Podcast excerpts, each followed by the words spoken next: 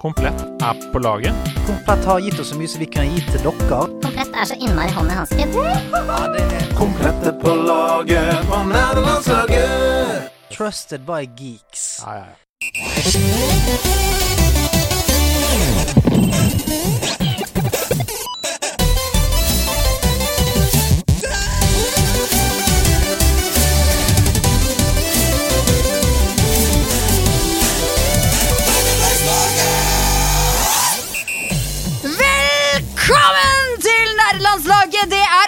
8. mars, og jeg har kun ett spørsmål som jeg vil stille dere. Who run the world? Girls! Who run the world? Girls! Tusen takk for at du er med, Sebastian Brynestad. For du er med meg her i dag, og skal, eh, vi skal lage et nydelig show. Velkommen skal du være. Tusen hjertelig, tusen hjertelig. Og på min høyre side, der sitter min eh, andre favorittgirl. Hun er ginger, hun har nydelige briller og er generelt stilig. Velkommen, Andrea Hedemann! Ja da! Kvinne er bra. Dagens catchphrase. Kvinne er bra. Og eh, legg merke til at det er kvinne er bra. Eh, og dette er veldig gøy, fordi dette er en catchphrase som ble sendt ut for over et år siden. Eh, så har den ligget i catchphrase-bunken, og så har jeg ikke visst helt når jeg skal bruke den. Men så passa det jo perfekt i dag! Hei. Kvinne er bra, er Det kan vi catchphrasen. si oss enig i. Ja, vi kan jo det, og jeg kan jo lese opp hva det er som står der. Mens jeg sitter her med kakao og fyring i peisen, som dere skjønner. Dette er eh, over et år siden. uh, vil jeg komme med et forslag til en catchphrase. Kvinne er bra. Bakgrunnen er fra en Twist-stream med deg, Andreas, og Camilius, altså min kone. Der noen i chatten spurte om hint til neste gjest i nederlandslaget. Du sa tja, der er kvinne. Og jeg kommenterte kvinne er bra. Kvinne. Og vi var enige og lo av det. Så det var det. God kveld til dere. Hilsen Alexander. Takk, Aleksander. Hei til deg, Alexander. Håper Kvinne er bra. Kvinne er bra. Kvinne og bra. Og jeg bra. håper du fortsatt eh, sitter og koser deg foran bålet eller eh, peisen med kakao. Han har ikke beveget seg en centimeter Nei. siden det ble sendt. Der er det kakaoen har blitt kald, men peisen, den putter det videre. Oi. Og det er mye ved som har blitt brent. Det Uh, siste- akk og ved. Akk og ved. Og ved. Og med det bordspillet så er jeg bare nødt til å si gratulerer med dagen, Ida. Eh, takk. Som kvinne, tusen takk. På vegne av alle kvinner så sier jeg takk. Eh, og så skal jeg være en av de som sier sånn er flott med gratulasjoner, men hva om vi gjør noe med likelønn, for eksempel? Ja, Eller kampen, jeg vet ikke, kvinnehelse, eller ja. det, det kan være lurt å si at denne dagen kampen fortsetter. ja, kampen. eh, Ja. Kampen fortsetter definitivt. Um, hvis du gidder Å gå, eller? Jeg skulle si hvis du gidder å løpe ut og si til KP at han kan skru ned musikken litt, men Nei, han har ikke gjort det. Hvis du gidder å gå ned og be ja, han ok. skru ned 20 Jeg skal gjøre det. Dette er eksklusiv content til dere som sitter og ser på på Twitch. Kvinne er bra. Kvinne er Kvinne bra. er bra. Så skal vi bare ta oss og klippe her vi, når eh, vi kommer inn igjen. Skulle lage sånn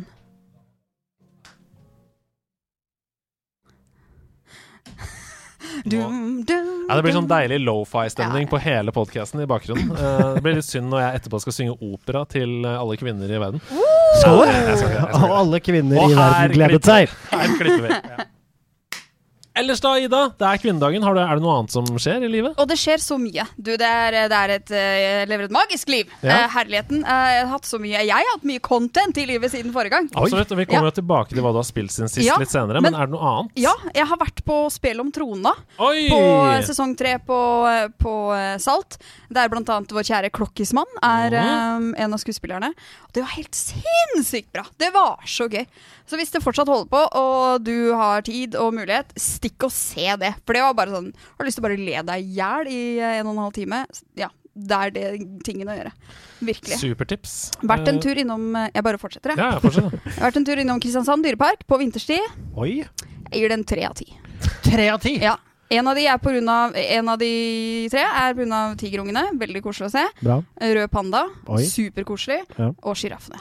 Ja. Hadde kamelene frakk? Var det liksom noen dyr som var kalde og måtte være inne? Det var derfor det var dårlig? Det var veldig mange som var kalde over at du er inne. Jeg bare føler liksom hvis du er Jeg føler hvis du er liksom Du er kamel, og da, du Ja. kom, altså det kan være kaldt i ørkenen, så kanskje dårlig eksempel, men du er sjiraff, da! Ja, ja, Det er sjelden blå, blå grader for sjiraffen. Tror du ikke den tenker Hva faen er det her? Jeg ble liksom bare gående og sparke i grusen og være Jeg gikk jo selvfølgelig med sneakers, eh, voksen som jeg er. Ja. bestemmer sjøl. Den villmarksinnhegninga i Kristiansand dyrepark dette, dette er jo en gamingpodkast i all hovedsak, men den villmarksinnhegninga har jeg gått igjennom sånn syv ganger. Ja. Og jeg tror jeg så en elg, men jeg er usikker. Og det er så bra. Den eneste avdelingen jeg glemte å gå i, norsk fauna. Ja. Som jo sikkert var de som var ute! Det er bra, Ida. Ja, Kjempebra! det er. Blir med Dyreparken? Hva skal vi se? Norsk fauna. Nei, jeg blir hjemme! Spiller Elden Ring. Takk som byr! Apropos det, hvordan har du det, Sebastian? Eh, Hvordan går det i livet ditt? Vi skal snakke mer om hva du har spilt i det siste senere, men hva, som, eh, utenom det? Du, det går veldig bra med meg. Det, jobben uh, herjer. Det er god gaming uh, på gang, og i det hele tatt vår i været i Oslo. Ja, det er der vi får noen, noen bruddstykker av vår, og lyset kommer tilbake. Og det er i det hele tatt en bra tirsdag for meg. Og Det- hva med deg, Andreas? Du, det er på tide å sope inn all D-vitamin vi kan eh, om dagen. Sola skinner, og det er deilig. Og jeg har jo manko på D-vitamin, som dere jo ser på mitt bleke fjes. eh, Og som dere også um, vet fordi jeg er mye inne. Men mer inne skal det bli. Ja! Fordi vi må nevne at det er jo quiz i morgen! Det er quiz altså, i morgen. torsdag, da. For dere som hører dette og ikke ser det på Twitch, men for dere som hører det når det faktisk kommer på onsdag. Det er quiz i morgen på torsdag her på House of Nerds, der vi sitter. Det er en nydelig spill- og nerdequiz med Hasse. Og der kan du vinne både VR Escape Room gavekort til hele laget ditt, da, hvis dere vinner. Du kan vinne eksklusive sjeldne pakker med Pokémon-kort. Altså, Det er ganske sexy, den uh, premielista. jeg har Ja. gått inn i min Pokémon-kortsamling, min forseglede samling, og valgt ut eksklusive pakker som folk kan vinne. Og da skal vi helt tilbake til XY Evolutions fra Du 2016. er som en helårs julenisse. Ja, det er det. Ja. Altså, altså, det er rett og slett klenodig XY Revolutions Altså, her det òg, Det er uh, verdier på flere tusen kroner som skal gis bort der. Altså, så, Og det kan jo sies da bare til eh, de som lytter og som kanskje ikke samler Pokémon-kort. Det skal ikke spesielt mye mer til enn et par Pokémon-pakker, så samler du på Pokémon-kort. Ja, sånn blir det. Det er det der. Og uh, du kan vinne spill der også. Forza Horizon 5, Psychonauts 2. Vi skal gi bort masse deilige spill også, så det blir gøy. Uh, det koster 100 kroner per person på laget. Du trenger, ikke å, uh, du trenger ikke å bestille billett på forhånd, du betaler i døra. Og grunnen til at det koster det, er jo fordi det er premier. Eh, så det må jo finansieres på en måte. Og så skal det jo sies at Hasse Hope er jo en viden kjent, for dere som ikke vet det. Quizmaster. Han har Ja. gitt ut bøker sammen med Toffe Pale. De har reist land og strand rundt med sin quiz, og dette blir, kan jeg garantere blir også veldig gøy, sånn rent quizmessig. Vi skal snart videre, men vi må også si at nå på fredag så skjer det! Det skjer! Hva skjer?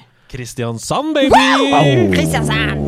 Du og jeg skal dit, Seb. Vi skal det. Dere skal i Dyreparken? Vi skal Nei, vent. Helt riktig. Live i Norsk fauna i Vi skal ikke inn i viltinnhegningen, vi skal bare være ville i nikkersen. For vi, vi skal Oi, oi, oi, oi. For vi skal ha liveshow på østsida i Kristiansand.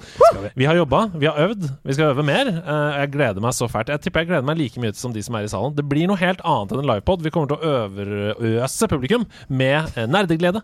Med premier. Eh, så Hvis du skal kjøpe billetten, da, så bør du kjappe deg. Fordi Sist gang jeg sjekka, så var det nesten utsolgt. Så det kommer til å bli full sal. altså Dæven dette. Men det er også en annen ting som har skjedd. Og hva da? Det ligger foran meg her, og jeg vet ikke hva det er.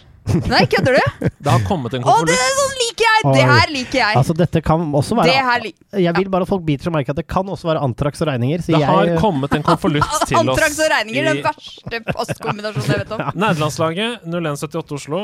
Uh, Ida, vil du åpne? Ja, jeg skal prøve å ikke grine. ja. Jeg vet ikke hva dette er, men det har kommet en pakke. Det Med en gang vi begynte å snakke om Antrax. Ida, vil du åpne? ja, det, er, det, er genser, det, er genser, det er faktura på genserne. All Nye right. genserne. Hva er dette, da? Jeg, Hva? Ok, Så jeg åpner, ja. og så står det 'åpne her'. Feil side. Åpne opp og se. Ok, Hva står det på andre siden, da? Hvem er den heldige? Hedo? Blipp? Hasse? Ida? Hvor er Seb?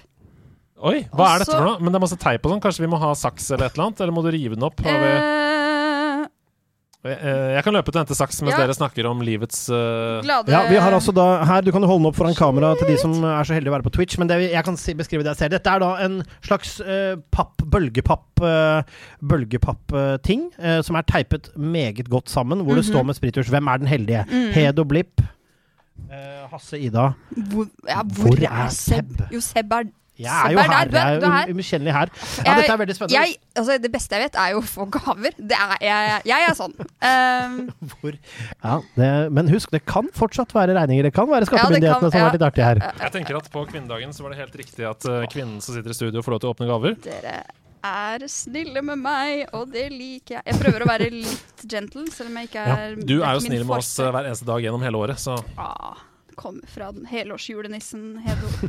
Ja, du, altså, Ok, er dere klare? Nå Jeg er klar. flipper jeg åpen. Ja, hva er det? Hva er det? Oi, oi, oi, oi, oi, til Superseb! Dra opp dette kortet, står det. Oi, det er til Super-Seb! Det er Superseb! til Det er til Super-Seb. Hva er dette for noe? Det, er, det jeg ser, er at det er en Det sånn er et- toploader med uh, Ja. et Pokémon-kort inni. Altså et, eh, et Fire-Pokémon-kort inni. Uh, Fire Energy, altså. Til Seb Her har jeg altså da en toploader. Uh, dra opp dette kortet. Altså, oh, jeg får presanger på kvinnedagen. Jeg vet ikke hvem det er fra engang. Det, det Nei, Det er ukjent. En ukjent beundrer. Ja, ok, greit. Jeg må være litt forsiktig her, da. Da regner jeg med at de mener at jeg skal dra opp dette energy Oi, Oi. hva er det som skjer? Fortell oss hva du ser. Fortell oss hva du ser. Åh! Det er reverse hollow snom! Det er reverse hollow snom! Det er Det er et Pokémon-kart! Reverse hollow snom! Eller Pokémon-kartet for de som var med på min pack-åpning da jeg fikk eh, noen packs for en stund siden. Pokémon-kartet jeg kaller Kukk på benk! Eh, her er det og dette, dette her, altså Jeg er ingen ekspert, uh, men dette tror jeg er Manji. Ma er, kan det Ah, være kan det være Manji? Jeg er usikker, men uansett hvem det er, tusen hjertelig takk. Det er, jeg sa det at det blir ikke Pokémon-samling på meg. Jeg har ikke plass og tid. Men om det er ett kort jeg ønsker meg, så er det Kuk på benkeglins. Og det ble det. Samlingen min er komplett. Jeg har Snom i da reverse hollow. vet vi alle hvordan det høres ut når Åh. Sebastian trekker snom. Da blir det øresprekk og pik i mikken. og alt mulig. Ja. Og så For å sitere deg eh, for bare et par minutter siden. Ja. Det skal ikke så mange kort til før du plutselig har begynt å samle på Pokémon-kort. Men, men det er det. Fordi når du, du, dette er på en måte for meg gralen. Andre har liksom first edition Charizard. Jeg har glinse... Reverse hollow snom. Ja, reverse hollow snom. Så det er forskjell på folk. Men tusen hjertelig, hjertelig hjertelig takk eh, til hvem enn som har sagt, fra tipper det var- altså, Jeg mener For- skal ha hørt Manji si, eller Pokerfreak, eller en av disse. Ja, det, det er nok en av Discord-medlemmene våre. Tusen Åh, tusen takk takk til deg som hører på. Setter veldig stor pris på det. Um, Jeg, jeg, jeg vil takke for pappen. Den er min, regner jeg med. Pappen er din. Ja, Tusen takk. Uh, og, her, og her i gameshowet Pappen er din! Pappen er din! ja, du Gavene går til gutta, men pappen Pappen er er din! din! Gratulerer med grunndagen! Kampen fortsetter! og, at, Da kan du få rydde opp, Ida. Å, tusen takk! Jeg saksa opp. Jeg lov å låne den. Får jeg lease denne saksa? Det, var u det er uelegant å få Ja. presang på kvinnedagen, men når det er reverse hollow snom, så er det greit. Ja, det er greit. Uh, tusen tusen takk til deg som lytter. Og med det så tror jeg vi tar en glidende snom-overgang, vi. Over til, over Det til er lov å si! Er det lov å si Microsoft Snoom? Uh, det er lov å Oi, oi, oi. Nei, det er ikke Microsoft, det. Zoom. Nei. Nei, Zoom, nei. Men dere, Komplett er jo fortsatt på laget. Å, komplett er så på nerdelandslaget! På nerdelandslaget er komplett. Det er en helt ny måned, og det betyr jo at vi har dykka ned i deres deilige gaming deals nok en gang. Eh, som vi jo gjør hver måned. Plukker ut noen ting som vi mener er gode tilbud på gode produkter. Og temaet denne måneden er Space! Oi! Tøff effekt! Ja, eh, det er fra Portal. Nå er det Space! Kan jeg også gjøre det en gang? Space! Ja, det. Og det passer veldig bra, for jeg er veldig mye på Mars i Destiny om dagen. Oi. På Mars i Mars. Ja, ja, ja. Mars i Mars. Sånn skal det være. Det første produktet som jeg valgte oss ut, det er en Acer Nitro 5-laptop. og den er satt ned 2000 kroner, fra 16490 til 14490. Og den har vi valgt ut fordi du har den, Ida! Den har jeg! Og du er vel strålende for det, men du streama jo Grid Legends på den i går. Jeg er meget fornøyd. Jeg har så langt fått til å gjøre alt jeg vil med den laptopen. Åssen er batteritiden og sånn? Har du tenkt noe Funker kjempebra. Ja. Ja. Ikke noe sånn vanskelig out of the box og masse programmer som er installert og greier? Alt funker helt fint? Alt funker helt fint, og jeg er ikke noe computergeni. Har du hatt liksom noe gaming-PC sånn før, eller? Uh, nei. Nei, så du, altså, du er rett og slett en ilddåp, og alt bare funker? Alt bare funker. Det er jo helt nydelig. Og det som er gøy, er at jeg spurte da Sneak, vår nydelige hardware-nerdete Discord-medlem, om han kunne gjøre en kvalifisert vurdering av speksene. Fordi jeg regner jo med det, at dette er din første gaming-PC, så for deg er det jo en drøm uansett. Ja, ja. Drømmer og drømmer. Uh, Ja, nei, så han Opp mot pris, liksom. Og han svarte med en meme. da Han, tok, han var sånn Homer Simpson-gif som tok på seg solbriller, hvor det bare sto 'I'm ready'. veldig bra. Veldig så, bra, så gikk han inn der og sjekka. Ja, Da kan jeg nevne at den har et 3060-kort Risen 7, 5800 H-prosessor, 16 GB, DDR4, RAM 1 TB SSD-disk. Og ikke minst en 144 hertz 17,3 tommer skjerm, og sånt blir det FPS FPS oi, oi, oi! 144 hertz! Det er mange hertz. det. Er mange hertz! Det er mange hertz. Eh, Det er mange hertz. Men den er også billigst og som komplett. Eh, jeg sjekka de andre prisene. Multicom selger den til 18 000. Så rapporten fra Sneak den var også bra. Oppsummert så sa han uh, dette er et kjempegodt tilbud på en veldig god allrounder. Med andre ord litt sånn som alle oss tre. Veldig Yeah. gode allroundere, som vi jo er. Så vi er ikke best på noe, men vi er jævlig gode på alt. Ja, vi er som en meget god krydderblanding.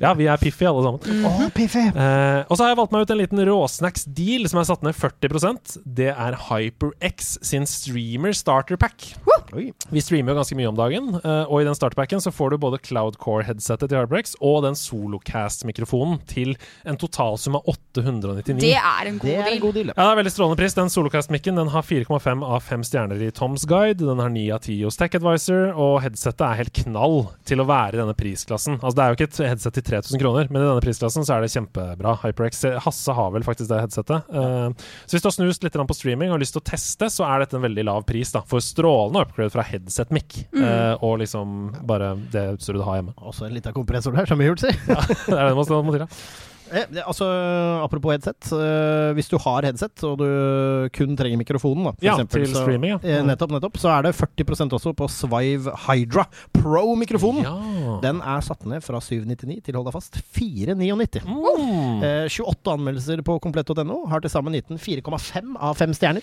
Ja, så eh, Jeg testa den jo på en livesending vi hadde hos Komplett, og det er helt super lyd i den, som er nesten uslåelig til den prisen. Så eh, hvis du ikke vil høre på meg, så kan du i hvert fall høre på de 28 som har gitt den den summen. Men det eneste med den, det er at det er litt sånn sterkt blått lys på den. Ja. Og det kan være greit å teipe over, for det, hvis du spiller i litt mørke omgivelser og utover natta og sånn, så skjærer det litt. Men til den prisen så er det veldig fort gjort, og det er absolutt verdt ass. Ja, det vil jeg bare si. Noen digger blå lys også. Noen, noen er redd for blålys. Altså, poenget her er at for 499 så får du en Svive Hydra Pro, og det Ja. er en veldig god deal. Men nok uh, nikk-nakk. Vi vil ha trikk-takk, som en uh, revy het på Grefsen i. 2006. En av våre største revyer. Jeg lurer ja. Eh, Faktisk, nok snikksnakk, vi vil ha trikk-takk. Det tror jeg var revyen som Magnus Devold debuterte i. Var den sponsa av Komplett? Nei, det var den ikke. Men hva har du spilt siden sist, Ida? Hva spiller jeg om dagen? Jo, uh, jeg har spilt uh, en del forskjellige ting siden forrige gang vi snakka sammen, faktisk. Det Mm. har på min eh, på min nydelige Kristiansandstur. Ja. Jeg, var, jeg var liksom der og på en måte preppa litt før dere skulle dra dit. da Mm. Varma opp crowden, sørge for at de er liksom forberedt på at dere kommer. Mm. Eh, hadde med PlayStation. Og hva er vel bedre enn å komme hjem fra en lang, innholdsrik dag, legge seg på senga og bare fyre opp PlayStation på hotellrommet? Hold up. Du hadde med PlayStation på hotellrommet på ferie? Det sånn? er life hack nummer én. Ja, det er helt rått. Jeg elsker det! Jeg det- elsker det. Jeg, er bare, jeg er veldig heldig da, som har en kjæreste som er helt med. Det var han som bare Vi tar med PlayStation. Ja, det gjør vi. Veldig klokt. Så vi har uh, spilt uh, masse um, DLC-er til uh, Overcooked 2. Eller 1 og 2. Å ja. Eh, masse extra trimmings. ja. Så det har vi kost oss med. Jeg trodde det var Tools Up dere var helt uh, Vi har jo runda det. Runda alt. Så nå er vi bare triste for at ikke det vi, Når kommer Når, kommer, det Tool- mer? Tools Up? Altså, Ja. selv ikke en vinterfrossen sjiraff kunne lysne, lysne på stemningen. Det er helt, stem det er helt riktig. Jeg bare åh, kanskje jeg Nei, så skulle deilig. Men det. eh, kan, går det an å si noe om de delscenene? Er det noen som er bedre enn andre, f.eks.? jeg, Det er noen leveler som er um, det som kalles for horde levels. Ja. Eh, og det hater jeg. Jeg Ja. det er vanskelig, og det er stressende, og som ikke overcooked er stressende nok fra før. Ja. Og det er bare øh!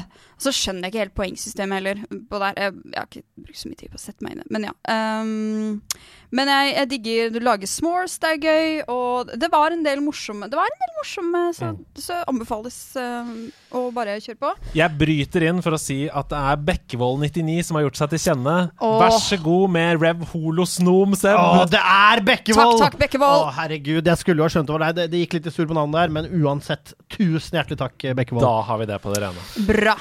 Eh, og så eh, Jeg er jo på evig jakt etter nye, gode toplayer-spill. -hmm. Og vi har testa et spill som heter Kiwi.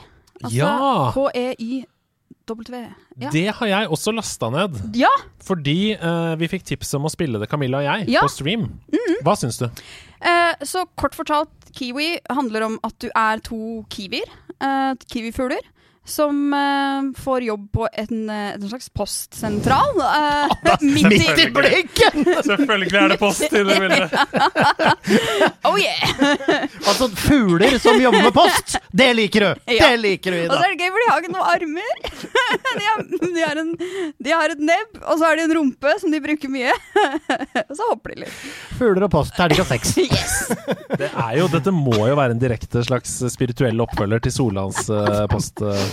Ja, det, det, det er Jeg syns at det var ganske gøy. Eh, det er forskjellige leveler som du på en måte har en arbeidsuke hvor du utøver forskjellige oppgaver. Om det er å eh, desifrere morsekode, om det er å sette sammen eh, brev som skal sendes, og sende det av gårde med noen sånne store strutsaktige fugler.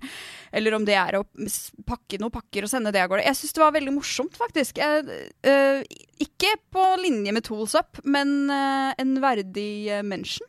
Ja. En slags eh, ventepølse mens du Ja. venter på Tools Up yep. 2. Jepp, absolutt. Eh, bortsett fra det, testa jo uh, uh, Grid Legends i går på stream. Med ratt og pedaler. med ratt og pedaler. Det må, gang, ja.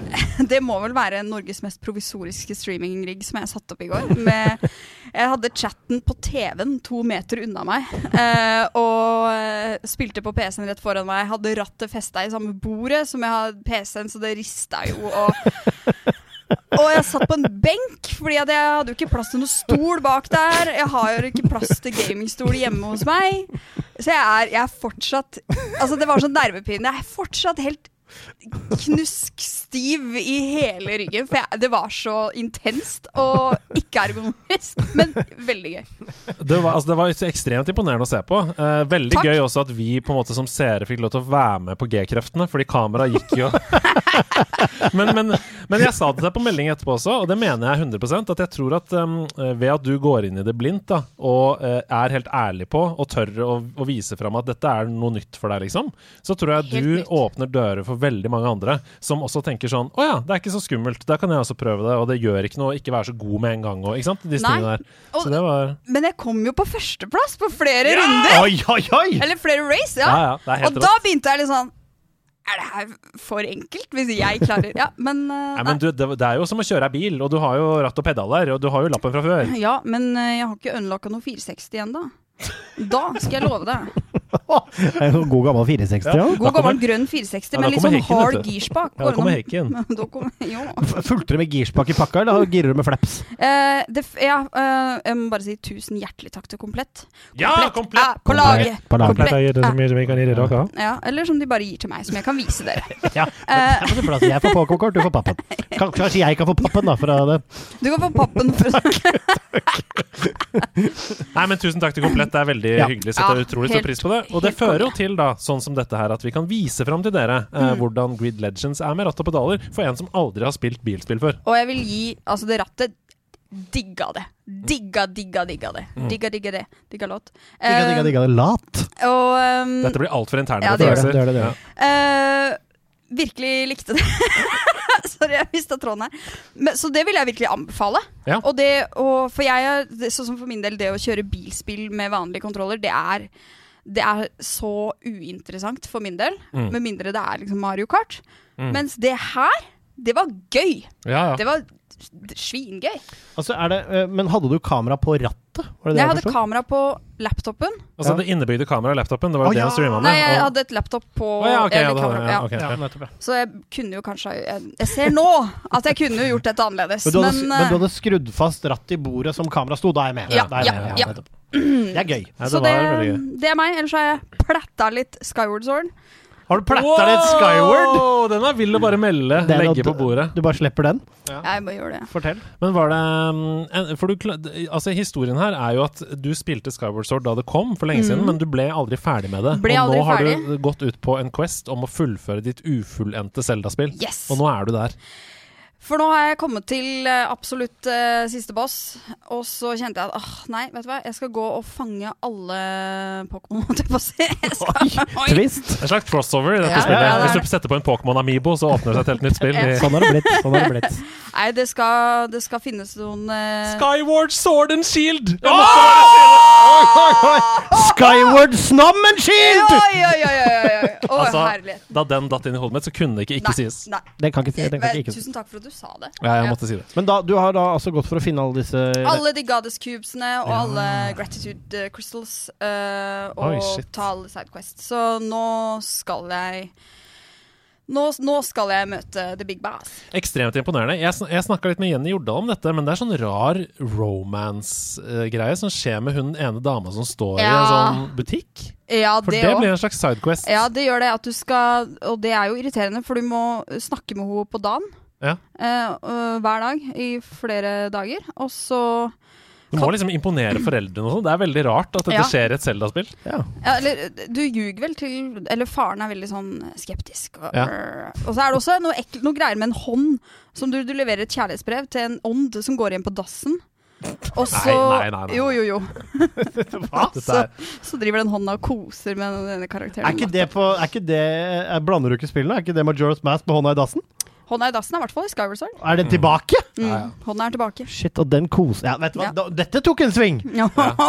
Jeg skjønner ikke du nei, jeg skal- tenker at uh, det er ting som kunne blitt utelatt i remasteren, kanskje, men det hadde vel puristene klikka i. Til, Ja. ja. Er ikke hånd i dassen, hadde de sagt. Ja, Ikke ta det er ikke- ikke? Det er ikke så mange uh, sidequests i Skyward Sword, så jeg, jeg tror ikke de har råd til å utelate Nei, det er så sant, det er mye. Mm. Men det er meg. Hva med deg, Andreas? Hva har du spilt? Uh... Du, jeg kan godt ta ordet, jeg. Ja. Jeg har jo spilt masse masse Gran Turismo 7, uh, som jeg jo anmeldte også i forrige episode av Nederlandslaget. Jeg har fortsatt på licenses. Det er jo sånn når jeg spiller Gran Turismo 7, så bare spiller jeg gjennom alle licensene først, sånn at jeg kan åpne opp alt innholdet, få tilgang til alle championships og sånne ting. Og så, når jeg har på en måte runda storyen, altså greid alle cupene og sånn Ikke alle cupene, men greid alle championshipene, hvor rulleteksten kommer, basically. Det er jo masse igjen. Altså, dette er, Ikke misforstå, dette er et 100-150 timers spill, hvis du skal klare alt. Eh, Så går jeg tilbake til licenses, og da begynner jeg å grinde ut gull på alle lisensene. Og det er, det er noe av det morsomste jeg vet om i gaming. Så min kompis Hans Magnus, som jeg har fortalt om, eh, som faktisk måtte være med på stream bare for å vise at han fantes Uh, da, da, Han kom hjem til meg, og så satt vi og så grinda vi licenses da, og prøvde å få gull på alle. Og det som er så gøy i Gran Turismo 7, det er at i motsetning til andre Gran Turismo-spill, så har du bare kunnet bruke innstillingene som er i, uh, se, altså settings som er satt opp fra før, og klare lisensene. Men denne gangen så må du tweake på settings. Du må f.eks. skru av traction control i én license, og så kan du kanskje sette den opp til én i en annen for å klare de forskjellige svingene. Um, og, og du får jo bare utdelt en bil. Ikke sant? Det er ikke sånn at du kan delta med din bil, du får utdelt en bil. Uh, og det at man da må gå inn i innstillingene og liksom justere på ting, det syns jeg var å skru av eller på ASM f.eks., og ABS og alle disse tingene. Det elsker jeg! Så nerd er jeg på dette. Så nå er jeg ferdig med uh, jeg, jeg tror det er, Hvis jeg ikke tar helt feil, så er det altså A, B, I, B, I, A og S. Ja, det er fem forskjellige kategorier. Jeg har gull på tre av de fem. Så jeg har gull på da 30 licenses av 50. Og det er Altså, vi satt to timer med én av dem. altså, Jeg tok meg en liten sånn Jeg tok meg en liten pause fra The Land Between bare for å puste litt med trynet, og Ja. da spilte jeg faktisk noen licenses på Gran Turismo. ja, for jeg så det. Du var tidene dine kom opp der. Ja, jeg begynte å kjøre, og der jeg bare mokka igjennom fram til jeg kom til S. Da moste jeg den Lamboen i veggen fire ganger i første sving, og tenkte jeg eh, tilbake til The Lands Between! Ja, fordi nå begynner dette å ligne på Elden Ring. tenker ja, ja, nå var det veldig gitt good der. Ja, for det er jo det det spillet er. Altså Det er en veldig god progresjon, men etter hvert så blir det kjempevanskelig. Og det er meningen at du skal feile, på en måte. Litt som i Dark Souls, da. Det har uh, lignende mekanikker. Det er meningen at uh, måten å klare det på, er å bli en bedre sjåfør. Ikke ved å gjøre andre ting. Altså Du, du kommer ikke til å greie det hvis ikke du lærer av feilene dine. Ja, det er veldig Altså, det er liksom Det har absolutt arcade elementer, men uh, sånn som jeg oppfatter det, så er det Du kan ikke bånde klampen og kjøre, og så kan du sette på iset, selvfølgelig, men du kan, altså, du kan ikke bånde klampen og bare uh, mukke av gårde. Du må lære deg å svinge. Du må Føler lære du at du blir en uh, bedre sjåfør i det ekte liv? Av å- 100 Og Oi. dette sa jo kjørelæreren min til meg da jeg tok lappen. For jeg sa sånn Ja, jeg har jo spilt veldig mye Grand Turismo i mitt liv. Ja, det ser jeg.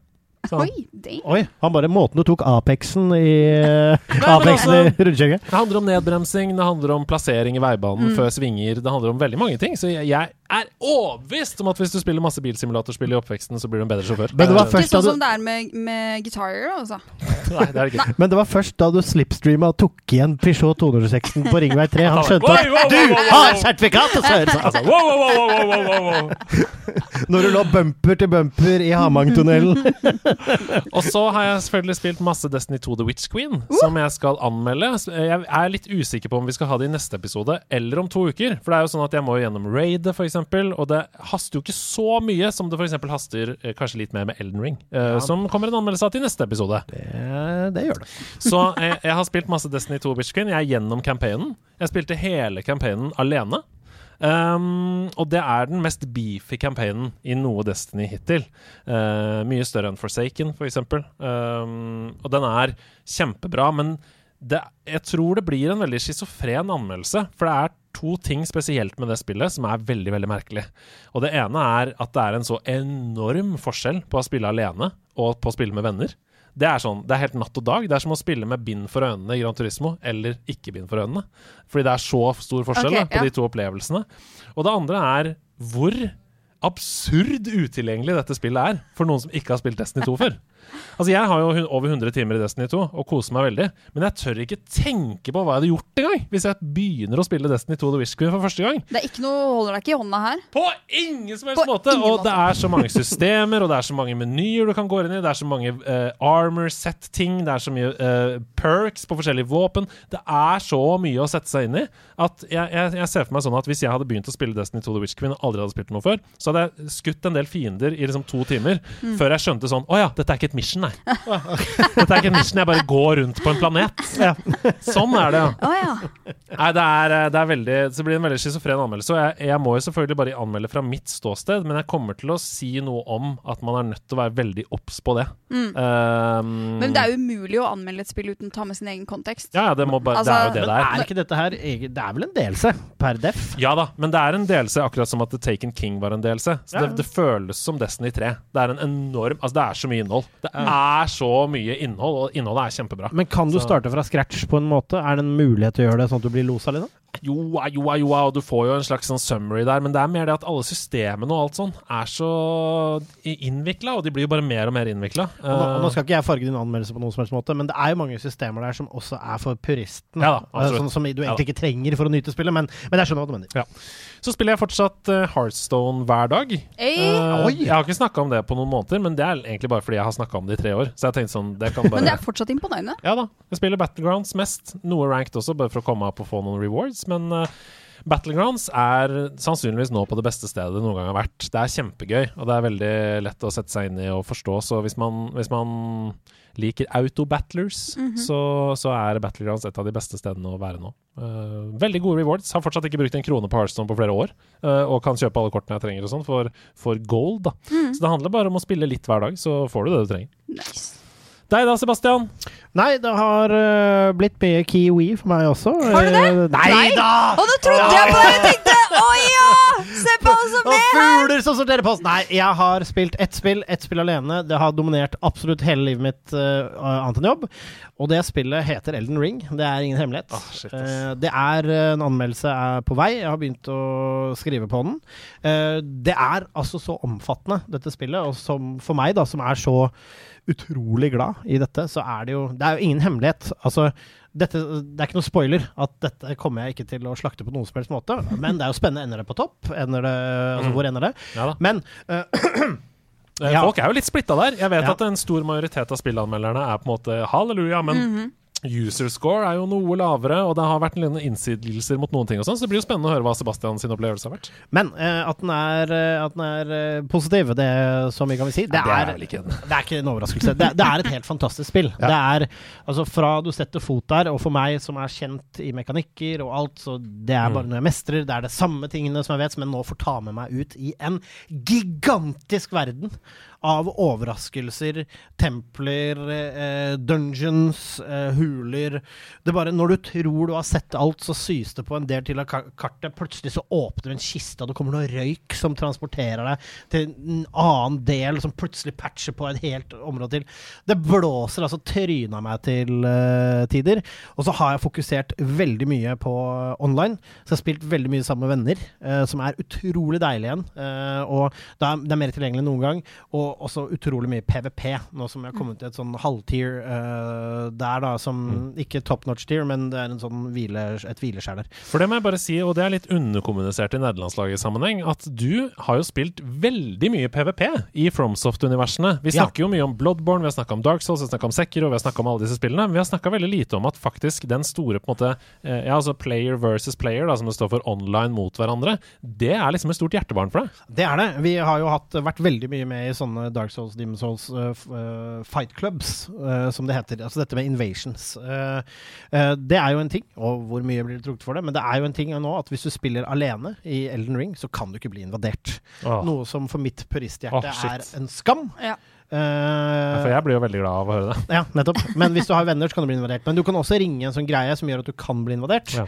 Uh, du kan aktivere sånn at nå er invasions på, men som vi sier, hva er det for noe? Fordi hvis jeg setter på det, så blir jeg invadert hele tiden. Okay. Det, jeg vil. Ja, ja. det jeg vil, er jo hele tiden å ha nerven av hvor du kan Ah. se når som helst. Ja, du, men det er et godt poeng. Kanskje balansen er litt off, da. Ja. Akkurat på det. Ja, ikke sant? Og, og, og, det, og det for meg er jo greit, eh, var, var litt surt. Men jeg har invada veldig mye. Koser meg mye med det. Uh, eh, det er jo en av mine favorittting, selvfølgelig. Å komme inn i et nytt område og lære meg Nei, ødelegge, da! Gi dem en spennende opplevelse! Men nå er det nå- Nå, kan, nå er det jo slutt på den tiden Nå er det jo slutt på den tiden hvor du kunne invade random som endelig har kommet til et sted, og de kaster seg ned fra nærmeste bru fordi de blir livredde når du står der med edgelord-gearet ditt og bare Altså Som er en del av sadismen i det spillet, da. Men, men det er fortsatt gøy, fordi det er mange nå brave knekter med tre på lag. Så invaderer du de, og alle står og tror de skal ganke deg, og så poner du dem en, ny stump. Og så, og så teabagger du hele laget deres. Så det, det har vi fortsatt.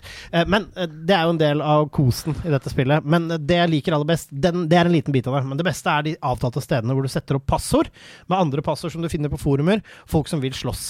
Kommer man inn i hverandres verden, og så er det én versus én. Det er puristfighting. Og de andre er politi, for det er ikke lov å. Du har ikke lov til å ta drikke av he- helt flaska di. Det er én mot én til én er død, og da har den vunnet fighten, og så får han lov til å heale oh. og ta ny MP, liksom. Så det handler om å ha disse bildene, og det er Wow. altså fight club. Og hvis du, hvis du cheater, så blir du ganka av alle de andre Og som det er er der inne. gøy! er jeg digger at det her eksisterer. Ja, altså, Og det er sånn- og god stemning. Ja. Og sånn som du sier, da, når det er så på en måte åpent og, og sånn, så, så oppstår det jo sånne egne regler, sånn som det. Eh, vi har jo sett det i Minecraft også, man kan jo lage hva som helst. Og, og det samme gjelder jo da Elden Ring. Dere kan jo lage deres egen mode, har jo dere laget nå. Eh, og det må jeg bare si at Gran Turismo 7, jeg skal ikke sammenligne det, men det har på en måte også alle de forskjellige banene i verden, Nürburgring, Sart, alle de forskjellige banene, har noe som heter lobby. Hvor du kan avtale med vennene dine. Sånn, vi møtes i den lobbyen klokka to. Og så bare spåner alle inn, og så kjører dere rundt på banen. Og da kan jo dere gjøre hva dere vil. Da kan dere ha drag race 100 meter på den ene strekningen på Nürburgring, f.eks. Og så er dere ferdig med det, så kjører dere videre og gjør noe annet. Det, Det blir gøy. nesten liksom GTA, eller sånn. Du, bare, du har banen for deg selv, da. Track day, liksom. Mm. Og det er jo det samme som du snakker om nå. At dere har jo nå et på en måte, verktøysett som dere kan bruke til hva dere vil. Ja, og så, er det, og så kan du jo hele tiden se det. Så er det jo selvfølgelig litt i den spede begynnelsen her nå med, med ting. Og, folk, og jeg er jo ikke helt full level Eller jeg har ikke, jeg har ikke, gått opp, jeg har ikke kommet opp til cap, eh, eller altså der hvor vi slutter å levele. Hvor puristene slutter å levele fordi dette er en bild. Ferdig med det. Det er ikke noe vits å levele noe høyere. Du har nok skills nå. For det er, du skal ikke kunne, du skal ikke kunne uh, fast-rolle i liksom uh, full heavy armor og tohåndssverd mens du wielder magi. Da, du skal ha en bild. Ellers så gidder jeg ikke å spille PVP med deg. Feiging, sier vi da. Inspirert av det du sa, Andreas. Jeg har så lyst til å jeg, neste, jeg utfordrer dere neste gang dere møtes. Så ta en sånn 60-meteren eller noe. Det er det dere gjør. Og løpe om kapp! ja, ja, ja, Men det, Har jeg ikke lov å cheate? Det det, ikke lov med noen speed potions. det, det, det kan vi faktisk få til. Det er ikke så dumt. Altså, altså, det er så svær verden nå, så du kan arrangere maraton. Å, 42 km i Elden Ring! Ja. Det er Elden Ring maraton til inntekt for en god sak. Ja, men det som er gøy med det, da må du jo balansere ut stamina og sånn. Ja. Det er jo dødsgøy! Ja, men det, altså, så kan det være sånn drikkestasjoner, da. Ja, men når du ikke er i combat, så, når du ikke er i combat, så drainer du ikke stamina nå, som er en ny ting. Oi. For det er så store områder. Men du kan legge dette maratonet gjennom minefeltet minefelt av fiender. nei, bare- For der må du dodge og sånn, ikke sant? Så det blir den hinderløypa. Kringsatt av fiender. Gå inn i din tid. Uh, Eller så må det bli sånn at dere bare klyper hverandre litt mens dere løper. Ja, da må det være IRL, da.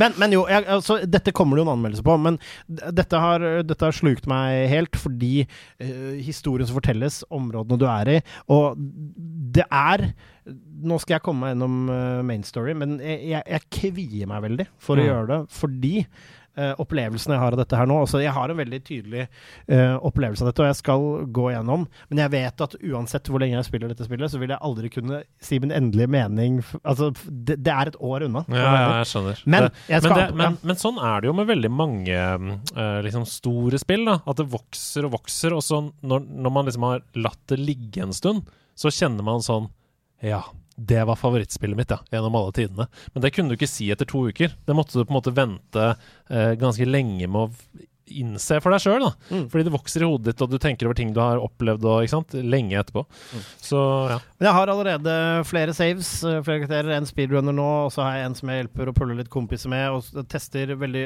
Koser meg veldig online igjen. Det der å spille sammen med folk, folk som har dårlig tid, og, som har, og folk jeg kjenner som har plukka det opp, som vil ha en los, og da har jeg en ekstra karakter der som jeg kan leve litt på. Eller så tar, hvis de er i litt vanskeligere områder, så kan man gå liksom og kjøre på. Det derre den godfølelsen av å utfordre seg sjæl med ting, og i tillegg hjelpe andre folk, og det der være i chatten, snakke om ting, og, og som er bare helt sånn så Det bare lager en ny dimensjon for meg. da. Det er sånn Nå er vi tilbake der hvor du får SMS på jobb, og så er det liksom sånn en kompis bare sånn jeg fant en Det er, det er liksom Det er ett run der, og jeg fant denne tingen, liksom. Og, det, og jeg bare Hæ, hvor? Og så får du printscreen av kamera Og det er gøy. Bare, er det noe der? Vi var der i går. Så bare, ja, ja, men du må trykke på den, og så må du snakke med hun, og så må du ta på deg hatten fra den, og så må eselet få maracas, og så åpner det seg en port! Og så er det sånn åpnet seg port, og så tenker du sånn Her er det sikkert et lite dungeon. Det er en helt ny verden! Det er en ny verden!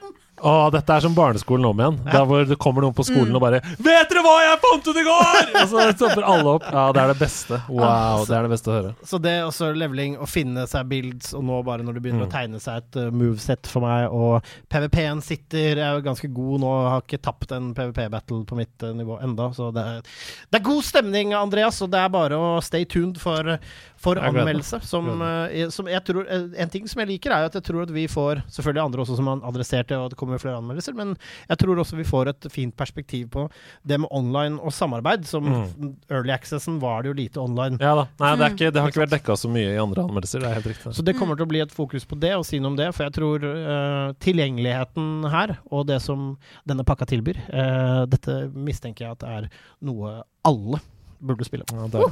Jeg har sett veldig mye av det på stream, uh, fordi det er deilig å slappe av med når man eh, er ferdig med å grinde licenses i, i Gran Turismo. Så jeg kan ikke vente med å begynne å spille det også. Jeg ble jo helt frelst av Bloodborne i sin tid, og, og elska jo også Demon's Souls Remaster, som jeg spilte med New Game Plus til og med, uh, så jeg kan ikke vente på Elden Ring. Men det er litt interessant. Har du noen lyst, Ida, til å spille Elden Ring? Kjenner du på noe sånn drive?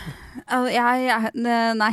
Jeg Helt ærlig, nei. Nei. Jeg tenker ehm, eh, Når jeg først skal sette meg ned og game, så jeg har jeg har mye mer lyst til å sette meg ned og spille Overcooked. Ja, ja, men Kiwi. coop med Ja, venner, liksom. Coop med venner. ehm, For da, nå kommer Sebastian til å si Men da er coop med venner. ja, men det er PVP. Det, det var ikke det jeg tenkte å si. Det jeg tenkte å si at jeg har sett både et postkontor og flere fugl i dette spillet. Hei!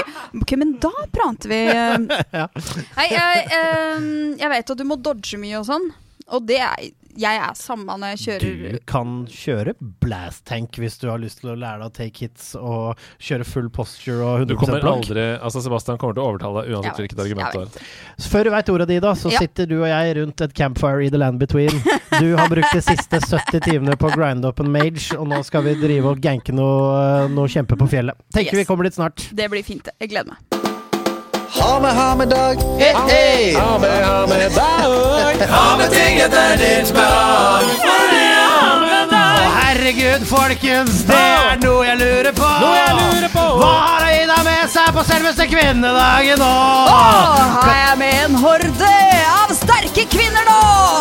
passer det! Her kommer vi! For det er kvinnedag! Ida har med seg masse kvinner i sekken sin. I sekken Det er en kriminell handling, hva skal vi gjøre med det inn? La det slippe ut av sekken, la de komme fri. Fri! La alle kvinnene si at det er kvinnedag! Var det kvinnedag eller Jeg havedag? veit ikke! Det er begge deler! Det er begge deler! Eller er det damedag? Å, det Ja. er Og damedag! Åh, det, var- det ble nevnt i chatten så bomma jeg på den. Dame, damedag. Eh, eh. På damedagen, eh, Ida, hva er det du har uh, tatt med deg da? I i dag har jeg tatt med meg denne, som Oi! er en uh, Nå holder jeg det. Ja, det er en kube. Det er en Eh, kube uh, av typen eh, inspirert av eh, Minecraft. Ja, jeg ser det. Den har eh, altså da, hvis jeg ikke er helt uh, spinnvill i hoderegning, så har den åtte sider. Det har den. Du er eh, Har den det? Nei, seks sider. Ja, seks sider. Lik en Det er en terning, og hvis jeg ikke er helt vil, så har den 16 sider. Ja, men jeg spiller Dungeons Ja, Dragons. ikke sant. Det er Eh, dette er min fikleboks. Fikleboksen, ja. Sånn Ja. derre uh, fidget-boks. Fidgetbox eh, på engelsk, eh, på norsk fikleboks. Det er kanskje nesten ikke lov å si.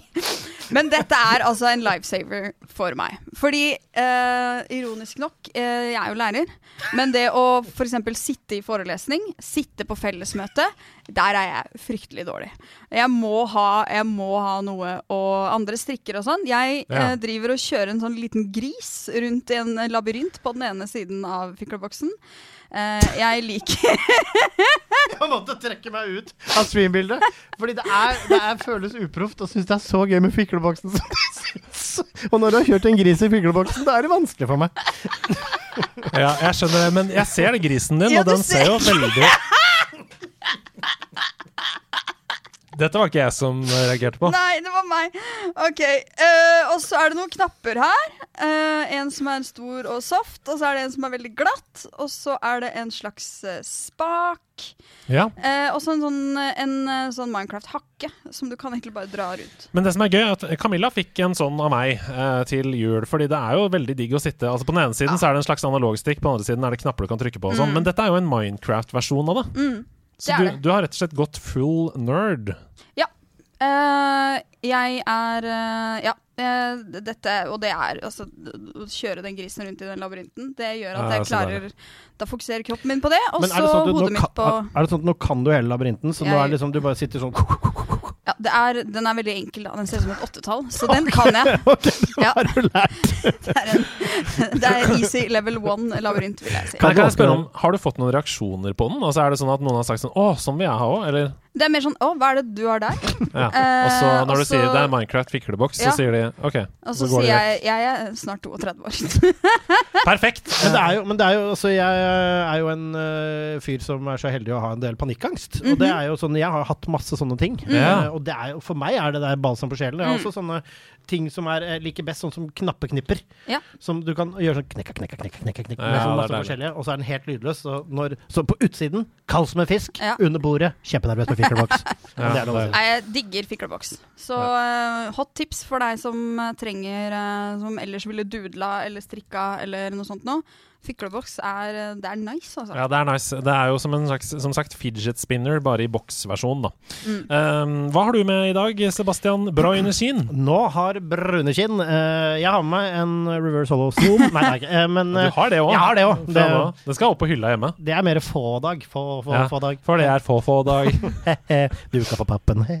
Eh, og nei, vet du hva, jeg har med noe som jeg ble veldig usikker på om jeg har hatt med meg før. Men det er ikke så viktig, fordi jeg har nemlig til communityet vårt et rop om hjelp. Oi! Et rop om hjelp, En, ja. ja, fordi en av mine beste venner gjennom tidene Uh, har rett og slett slutta å virke. Det hørtes grusomt ut. Jeg, har ikke, dette er, eh, jeg har ikke en kompis i sekken som sliter. Uh, men, Det en liten kompis. men jeg har en som har slutta å fungere, som har Ja. lang og tro tjeneste. Og jeg har lyst til å spørre om det er noen der ute i det ganske land som kan hjelpe meg. Den har også et litt løst glass, men det er ikke det det Jeg bare, jeg bare fortsetter å snakke som når han går vekk fra mikken. Den har også et Eller litt løst glass. Sånn. Nå kommer den. Åh, det er den originale Gameboyen. Den aller første store klossen som har selvfølgelig fått sin uh, perfekte solbleking, sånn som Ja. alle har den, den. er har, vært, den har redda mang en kjedelig sommerdag med frisk norsk natur og strand og glede, kjeks og familie. Den har, vært, den har reddet meg fra mange grusomme øyeblikk med familien langs strandkanten når sola steker og livet er som best. Har ligget i vinduskarmen òg, kanskje? eller? Det kan godt hende. den har, den, men eh, poenget er at den fungerer ikke lenger. Eh, Nei. og jeg har prøvd batterier og alt sammen. Jeg har prøvd og jeg har ikke, jeg har ikke prøvd å åpne den. Eh, men jeg vet at jeg, eh, så leste jeg meg fram til at disse er ikke så nødvendigvis vanskelig å fikse for folk. Så lurer jeg på er det noen der ute, da, nerdelandslaget, som kan hjelpe meg med å fikse en syk Gameboy med lang og tro tjeneste? Han har vært med på det meste. Bilturer, ferjeturer, flyturer, hytteturer og mye hjemme. Jeg har et spill bak her som er en av mine favorittspill. Der Oi, er- ja, det, datt, ja, det er eh, vinduet, det er litt løst, så det må også limes. Men her er det 32 spill igjen. 32 spill i én. Eh, 100% license cartridge med kinesiske navn på alle spillene. Oh, Den fikk jeg av min eh, avdøde farmor eh, til jul. Eh, faktisk, for hun hadde kjøpt det på en reise. Eh, Wow. og Litt som Åsan og Drøsdal. Veldig som Sega Nintendo 64, eller hva faen het. Eh, Amiga. Eh, men eh, litt som den. Men eh, nesten alle spillene er unike, og det er mange kule spill. Det er liksom Excitebike, det er Mikke. Altså det, jeg har en drøm, som Jørn, Jørn Hoel ville sagt, om at det Mm. finnes en i community som kan redde min syke Gameboy. Ta kontakt på DM på Discord. Ja, nei, det er vakkert. Tusen takk for en nydelig ha-med-dag, eh, Ida og Sebastian. Vi skal videre, vi.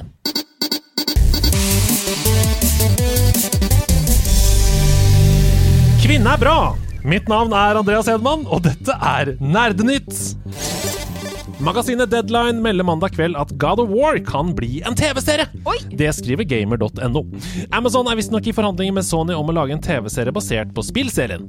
Hvilken historie vi eventuelt får fra universet, det er ikke kjent. Om ryktet stemmer, så gjør God of War som The Witcher og Arcane på Netflix, to serier som har fått mye skryt. Sony har også andre TV-prosjekter underveis, inkludert The Last of Us hos Paramount Plus, som skal komme i 2023.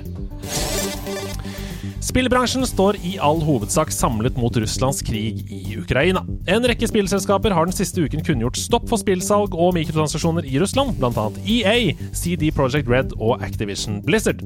Microsoft skriver på sine nettsider at salg av både produkter og tjenester stanses, og det vil med andre ord si at man ikke lenger får kjøpt Xbox-konsoller i Russland.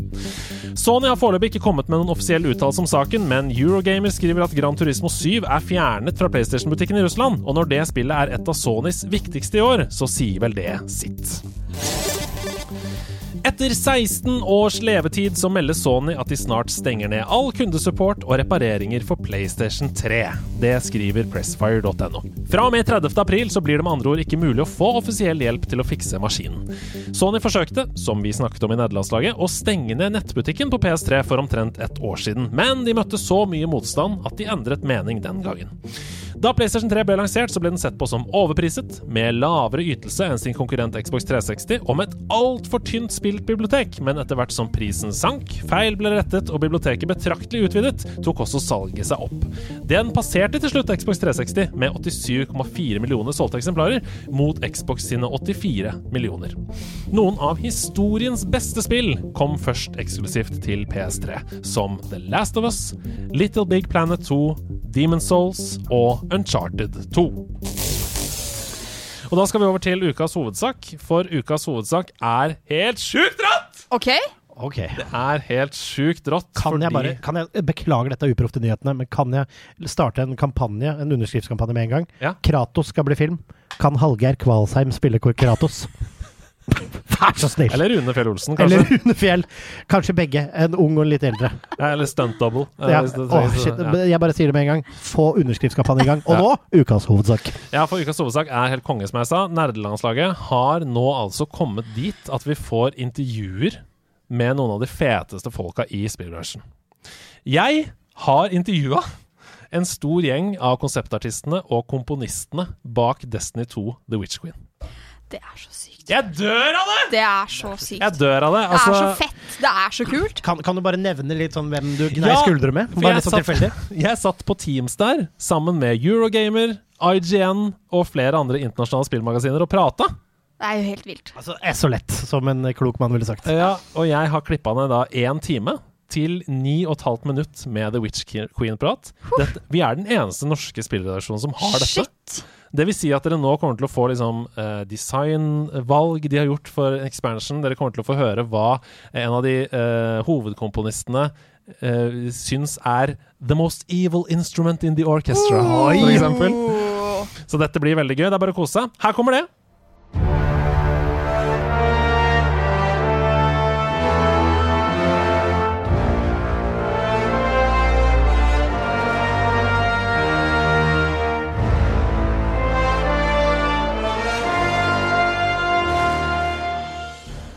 I dag føler jeg meg som en veldig veldig heldig mann, for eh, midt oppi Gran Turismo 7, eh, Elden Ring, Horizon Forbidden West og masse annet, så har jeg fått mulighet til å intervjue eh, en del av konseptartistene og eh, komponistene bak musikken i Destiny 2 The Witch Queen. Og det er jo helt rått!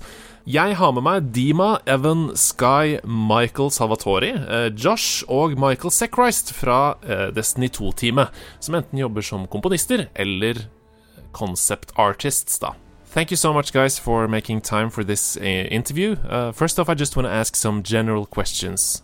Prior to its release, uh, The Witch Queen has always been described as this uh, mystery story, uh, turning players into detectives searching for clues. Um, one aspect that hasn't been talked about is the element of horror within the new campaign. What inspiration did you draw from to create this atmosphere? Yeah, so so um, well, one of the things that's to talk about horror in general is like you know for for that kind of genre and for Destiny, you know, again, kind of talking about how Destiny is a game where you know we do want to make a world that you can kind of inhabit and feel like it's a real world, but we also don't want to make that world so scary you never want to come back again. So we do kind of this elements of like trying to balance out the the the you know horror aspects of it and the um, you know the the nature of Destiny as Destiny 2 as a game where you want to you want to be there the whole time. There's a, a classic classic that's actually an instrument. It's a waterphone we use, which is if you've ever heard this instrument, you've probably heard it in thousands of horror movies and films. It's used all the time, but we have that element just kind of thrown in where it's kind of a bright, shiny kind of sound, but it's also got a very eerie sound to it as well. So maybe that's kind of a good example where we have, you know, some a sound that's been really used in um, in a lot of classic horror, you know, soundtracks that we just kind of layer in along that to kind of give that feeling. And now to a question that I think many people are wondering about. Uh, what is your favorite piece of gear in The Witch Queen, look wise? I mean, the glaive. Yeah, the glaive. Uh, the glaive has like this distinct sound design. Um, how did you do the sound design for that weapon? Um, well, I think maybe early on, just you know, obviously we're really, in, you know, the sound design is really inspired by the actual, you know, art design of of the weapon.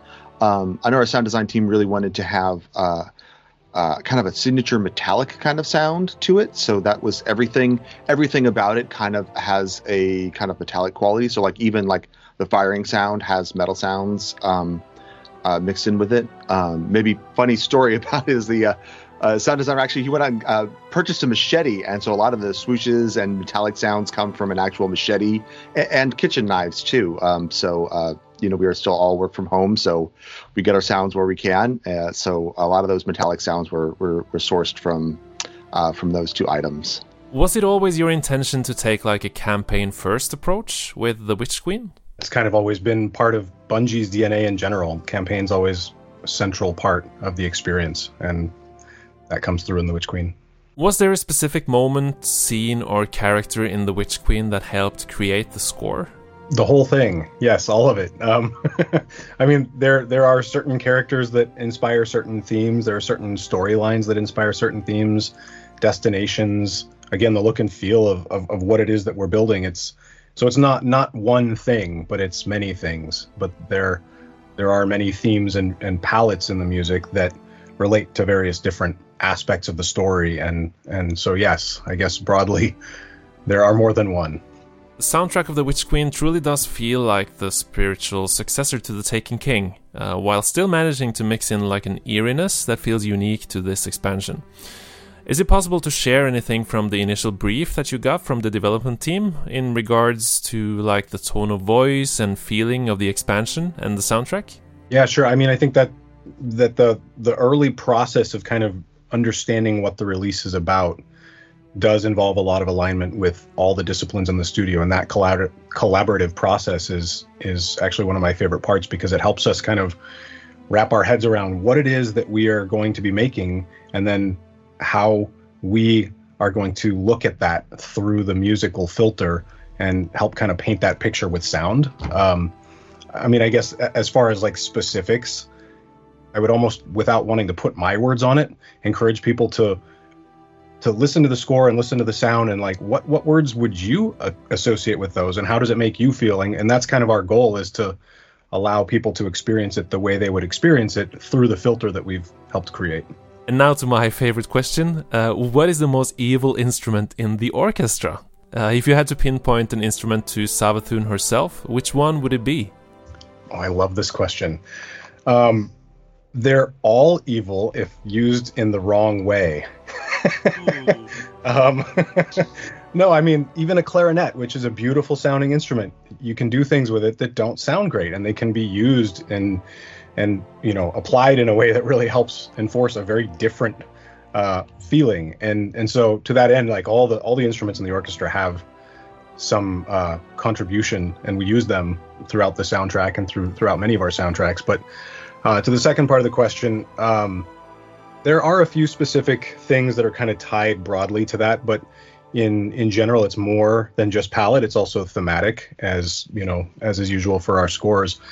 And a lot of times, what we will do is state those thematic references and make those statements in the music through more than one instrument. So it's not only limited to this sound represents uh, Savathun, for example he, he did say it best, but I'm going to embarrass myself now anyway. I, I love to uh, to get ugly with the high violins, um, have them play half step apart, things like that. And it's not a coincidence that my first wife was a violinist. There, I said it. my okay. goodness. Bye. Music is becoming more and more important in the development of a game. What has changed? What makes it more important today than in the past?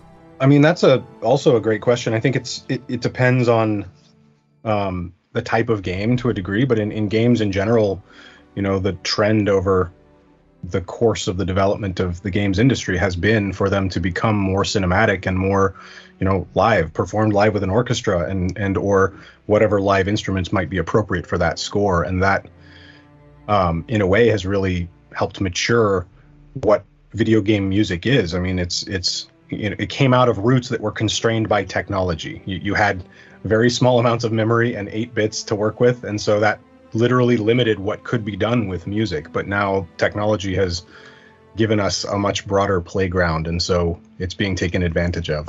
And last but not least, uh, Mr. Salvatore, you have been part of the Destiny music adventure from the beginning. And I would say that, judging from friends of mine that are long-time players, uh, the Destiny adventure has changed the player in several ways, both as guardians and as people. Uh, you've been here from the beginning. Do you feel like this Destiny experience has, in a way, changed you too? Absolutely, yes. Um, one of the best experiences of my life, actually. I, I was thinking about something Dima said earlier. Uh, in the early days of Destiny, everything was blue sky. We didn't, you know, we were we were creating something from nothing. And so, um, you know, the uh, the ideas of the narrative team shaped what the music did. Sometimes the music shaped somehow, sometimes the way the narrative went. It was uh, it was the lanes were very wide in the early days, and one of the uh, beautiful things about this, and one of the things I've enjoyed so much in my last in the last seven, I don't even know how many years it's been, uh, ten. I, have lost track, but um, is that as the as the story develops and as the, as we continue to decide what Destiny music actually is, it's just been an absolute pleasure working with these four, these three guys, who help keep me somewhat grounded because I can go off a, a little bit and. Uh, uh, yes, it's changed me a lot. I'm, I'm I feel like I'm a better composer. I'm a better uh, teammate. I'm a better human being having worked with these guys for the last several years. So, yes, absolutely.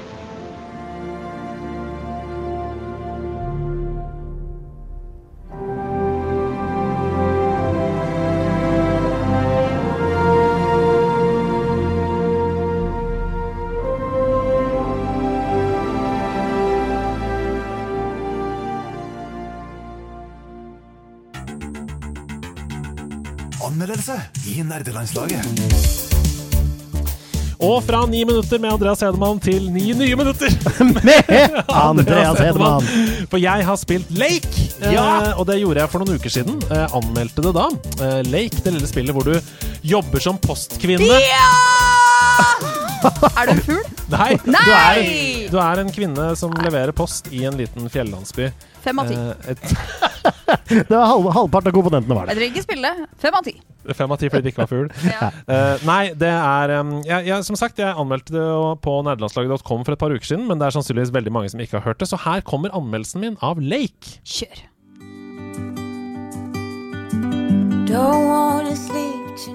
Jeg veit ikke om det er pga. at jeg blir eldre, men selv om jeg bare har blitt 33 år gammel, så drømmer jeg meg ofte tilbake til en tid der tempoet var lavere.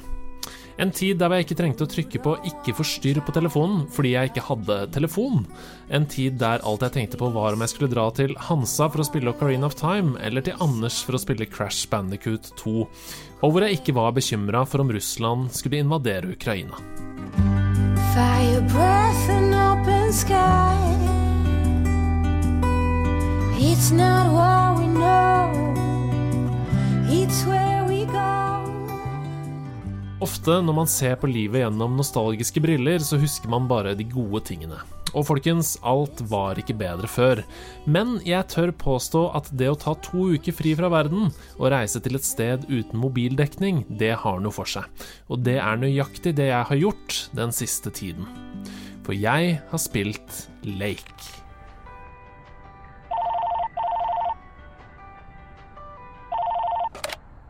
Hello? Meredith, Steve. Uh, hope I didn't wake you up. I just came home and was wondering if everything worked out all right.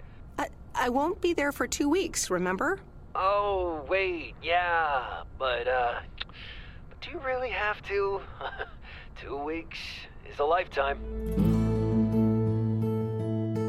Lake er en nostalgisk hjertevarm reise tilbake til den lille fjellbyen Providence Oaks i det herrens år 1986. Du spiller som karrierekvinnen Meredith Weiss, som flyttet fra Providence Oaks for 20 år siden for å begynne å studere i Boston. Hun har en fremadstormende karriere og jobber døgnet rundt som programmerer i et software-selskap, idet verden er på nippet til å omfavne hjemme-PC-en. For første gang siden Meredith reiste fra Providence Oaks, så skal hun nå vende hjem igjen for å hjelpe faren sin. Han har nemlig tatt seg to uker ferie fra jobben sin som postmann, og ettersom postvesenet i Providence Oaks ikke har funnet noen til å ta over jobben, så får Meredith spørsmål om hun kan hjelpe til. Meredith hun takker ja, og tenker at det er en god anledning for ferie. Samtidig så er hun spent for hva er det som kommer til å møte henne i den gamle hjembyen.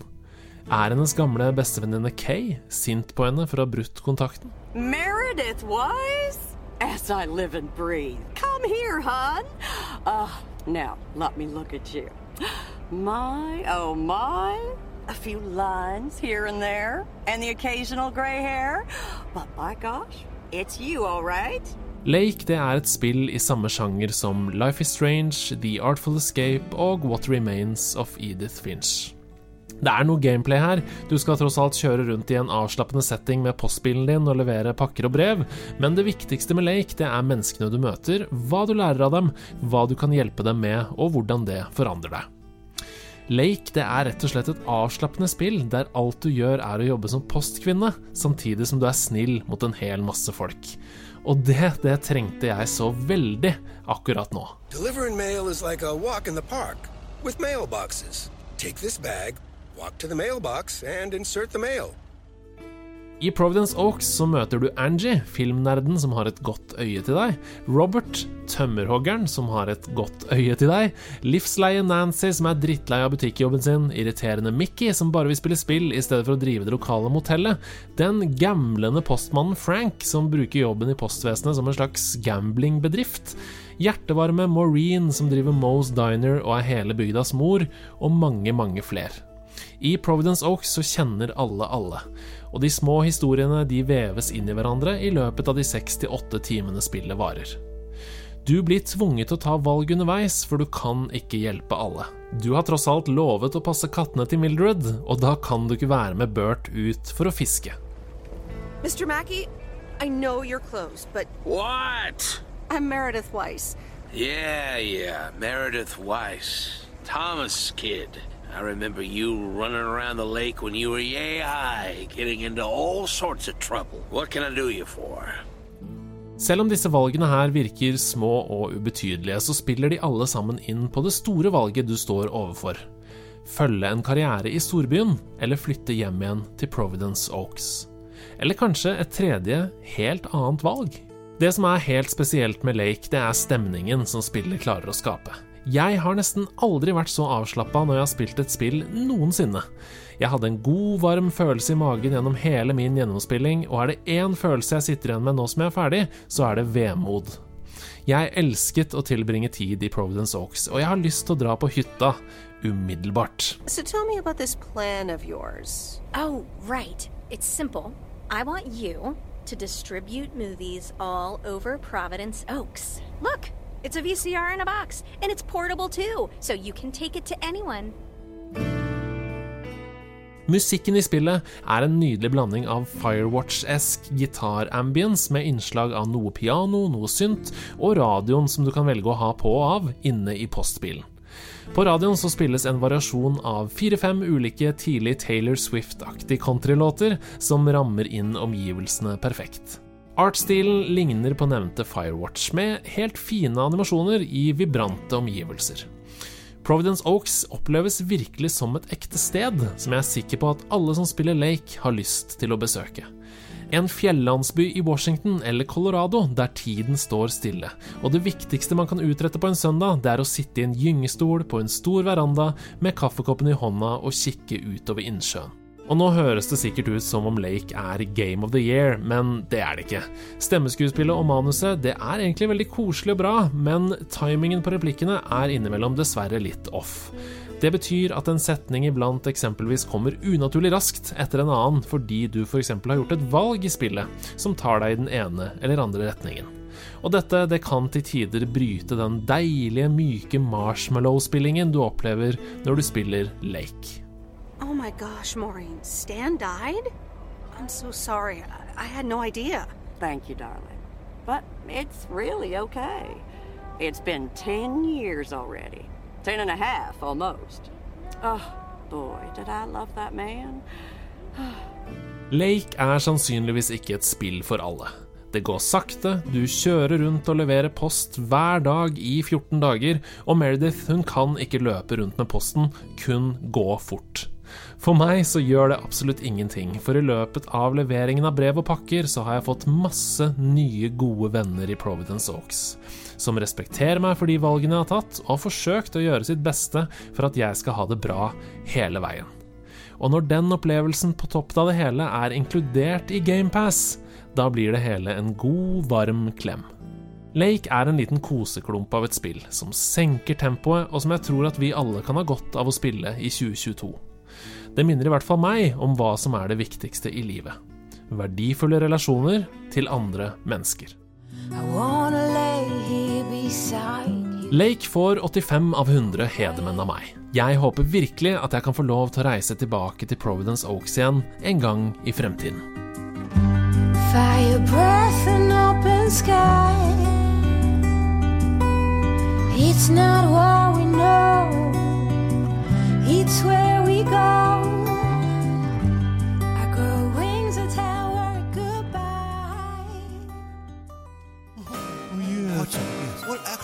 surely what you're saying is a balderdash of ox's feces, sausage, tissue, urine talk. On, on the contrary, no, no, no, no. I beg to differ! De nerde strides. Da er det på tide med en aldri så liten spalte vi valgte å kalle De nerde strides. Og det, er, det er vel et ordspill etter ditt hjerte? Det er, eh, vi liker det, vi. det er ikke feil eh, med, med, med De nerde strides. Og denne uka så er det du som har tatt med en kontroversiell mening inn i rommet, Ida. Det er jeg som kommer med kontroversene på eh, rekke og eh, rad. Oi, er det multiple controversies? Det er ikke det. Det hadde vært rått hvis det var en liste med kontroverser. Da skal vi begynne. Jeg har en syv-åtte ting jeg vil ta opp her. Altså, meningen min er kanskje ikke så kontroversiell, men jeg kan formulere meg sånn at det høres ekstremt kontroversielt ut. Du, det du skal si, er egentlig helt vanilje, men du skal si det på kontroversiell måte? Ja, Ok, Det få er vanilje med havsalt. Ok. Oh. Oh, ja. okay. Nå skal, jeg skal prøve å være litt ekstrem. ja, ok. Jeg er klar. Stålsett deg, Sebastian. Du, jeg er Stålsett. Jeg. Gunnar Stålsett er jeg. Den lå der. Den lå der. Til de av dere som ikke vet hvem det er, google han. Han fins. Eh, jeg vil hevde at eh, gamingindustrien har totalt uh, undervurdert uh, musikkindustriens rett og slett markedsverdi når det kommer til, eh, ja, til reklame. Promotering. Ja. OK, hva tenker Fordi- du på da? Ok. uh, gaming og, og musikk er jo liksom Å, det er man er så opptatt av uh, musikken og soundtracket og alt mulig. Men hvis du ser i, uh, i forhold til um, filmbransjen Hvis jeg sier 'My Heart Will Go On', Ja. da tenker dere Titanic. Med en gang, ja. The Ja, sånn, ja. Bodyguard, da tenker dere på Ikke. Bodyguard. I Will Always Love You. Ja, ja, ja, ja. If Yes. you'll be my bodyguard, tenkte jeg på, da. Med Paul Simon. Nei, men det er helt riktig. Hvis jeg Eh, synger på I Don't Wanna Miss a Thing, så tenker jeg det- Armageddon. Oh, Ja. Armageddon. Nå, hvis vi har gigantiske spill, sånn som Elden Ring eksempel. Hvorfor er ikke Ed Sheeran på topplista, på Billboard-lista, og synger om Fordi jeg hadde tatt Ed Sheeran i begge beina og Ja. slengt den veggimellom. Fordi Dark Souls skal, det er, egentlig skal være Ja, hvorfor har ikke Enja lagt, lagt ut Hvorfor er ikke Enja på topplista? Og nå kommer de nærmere til å strides. Fordi jeg skjønner hva du mener. Det du snakker om her, er jo license scores. Og jeg er veldig Jeg kan digge license scores, men jeg kan også elske originalkomposisjon, og da trenger jeg ikke Du nødvendigvis ennå. Nå, men sånn som- nå er jeg uenig med deg, Sem, for Ja. her er det et umetta potensial. Ja, det er det Eh, som er poenget. Hvorfor? Når det kommer gigantiske, store spill, det er masse penger bak, det er masse promotering, og så har man ikke brukt den muligheten det er til å ha et samarbeid med en stor artist. Men hva med, de, hva med komponistene, da? Ja. Ja, det er komponister i, uh, i uh, I bandet til Ed Sheeran? Nei, men i, i alle filmer også. Det er jo masse filmmusikk. Ja, ja, ja. Kan jeg bare si en ting? Du har jo original scores også. Jeg Ja. har uh, en teori. Kjør på. Uh, for Bring Me The Horizon, for eksempel, har jo en eksklusiv låt til Gran Turismo 7. Mhm. Som er lagd til spillet. Mm. Men det er ikke sånn at når jeg spiller Gran Turismo 7, så tenker jeg å shit, det var det øyeblikket der Bring Me The Horizon kom. For all fremtid så kommer jeg til å tenke Gran Turismo 7, Bring Me The Horizon. Det kommer jeg aldri til å tenke, fordi spill er så flytende. Det skjer Ja. ting hele tiden. Men Uh, nå kommer det til å komme en spoiler-alert for The Last of Us 2. Hvis du fortsatt ikke har lyst til å bli spoila av det spillet, hopp 20 sekunder fram i tid. Når Ellie spiller Mm. Take On Me Mm. på gitar i The Last of Us 2 det kommer for alltid til å stå ut som et vanvittig øyeblikk for meg i det spillet. Og jeg kommer aldri Altså Hver gang jeg hører Take On Me fra nå av, så kommer jeg til å tenke på The Last of Us. Mm. Ja, jeg har et eksempel Så må det være Spørsmålet mitt er Må det være et storydrevet spill. Uh, nei, det trenger ikke det. Jeg tenker Det eneste her, uh, sånn som for eksempel Ed Sheerans Icy See Fire. Eh, ja, han synger jo om noe av handlinga som skjer i Hobbiten. I see bonfire! Ja, altså, Ja, ja, vi hadde blitt så forbanna. Ja, Men altså ja, men Se bort ifra at det er eh, Ed Sheeran, Ja, det har ikke noe med Ed Sheeran Ed Sheeran er flink. Ja, ja, men, men- altså, han skal men ikke inn i the land between med noe jævla see Fire! Det kan du gjøre hjemme hos deg sjøl! Ja, ja, ja, ja, ja. Så se på peisen, da, Ed. Men det er jo en kjempemåte å promotere at filmen kom. Ja. Og Altså, hvis, han hadde, hvis han hadde vært på Bonfire nå med Icy Fire, så hadde jeg hatt en Ed Sheeran-tatovering Ja, på leggen. Du er klar over det? Så jeg tenker i, med release av store spill, hvorfor er det ikke Hvorfor er det ikke gjort Det er Mm. liksom så sjeldent at Og én ting er at de, sånn som i det spillet du nevnte, bruker en låt som allerede er kjent. Mm. Eh, det blir på en måte ikke en del av release-promoteringa. Nei, så det blir ikke en ny sang som blir for en Ikke sant? Jeg skjønner hva du mener. Hva er det du tenker på? Nei, det, det jeg mener Altså, jeg, jeg, jeg ser hva du Nå skal jeg slutte å være sint på Enya og Ed Sheeran. Men, Det var bare et eksempel, Men det var et liksom. eksempel, jeg skjønner. Enya er Ja, dritbra. Og, og, og at man Ja, ja, ja, herregud. til- Alt i sitt bruk. Alt i sin tid. Men jeg ser absolutt muligheten for å lage gode tittelspor. At det kan være øyeblikk med fete, fete musikkøyeblikk. Altså sånn i Bioshock med når de synger 'May the Circle Be Unbroken'. Eh, beklager hvis noen ikke spørsmål på det. Men det er også fantastiske øyeblikk. Så eh, du har absolutt et poeng. Og så har du jo spill som har, eh, som har license scores. Altså, kan tenke deg Tony Hawk lærte jo en hel generasjon om punk og, Absolutt, absolutt. og rock'n'roll. ikke sant? Altså, sånn at Den verdien ser jeg. Men jeg, jeg tror nok det at liksom Sånn rent markedsmessig så vil nok jeg liksom at de skal begynne Hvis de skal begynne å gjennomsyre sånn eh, Hvis de begynner å gjennomsyre det, så kan jeg se det som et problem. Fordi det må gagne spillet og kunstverket som er lagd. Det må ikke bli sånn sånn at liksom Yes, folkens, vi trenger et tittelspor til dette her. Det er ikke American Pie 2. Nei da. Nei, men jeg, jeg, jeg, jeg er veldig på din side her. Mhm. Fordi jeg ser for meg at uh, Men jeg ser for meg det samme som jeg sa i stad. Jeg tror det må være et storydrevet spill. Ja. Sånn at alle i verden opplever det øyeblikket Ja. med den musikken. Istedenfor sånn Nei, jeg opplevde ikke det, fordi det, jeg kjørte bilen min her borte. Ikke sant? Det må eh, Effekten uh, My Heart Will Go On. Ja. Leo Det- uten ja, armene ja, ja, der. Alle opplevde det på Og likt, på en Og det er jo også, Jeg tenker også at uh, uh, James Bond, altså Bond-låtene, har jo blitt nesten en egen sjanger. Oh, yes. oh, ja. Så jeg tenker, altså klassiske spillserier, hvorfor har ikke de altså en Det er potensialet her, da! Det det er er mange- potensialet her. Det er mange steder hvor man kan skripte inn god musikk, det er jeg enig i. Men hvis jeg liksom i så Ellen Ring blir jo eksempel, og så er jo det selvfølgelig et litt sånn convoluted univers som er veldig mystisk og rart og, og, og sånn. Men hvis jeg hadde rydd over en stor eng der, og sola kom oppover og plutselig If you like pina colada Ja, altså, men- skjønner Jeg mener Jeg skjønner at det ikke er dit vi skal, men da hadde jeg liksom Jeg elsker jo liksom at det er noen som har tenkt gjennom også dette med drivende scores og sånn, så jeg ville liksom vært forsiktig med å tenke liksom hva Fordi musikkindustrien, de har spenn, da. Så hvis vi setter den døra på gløtt, så er det rett. La meg skje. komme med en curveball tilbake. Fordi eh, for eksempel eh, Moonfighten i Bloodborne, den siste fighten, har jo helt vilt soundtrack.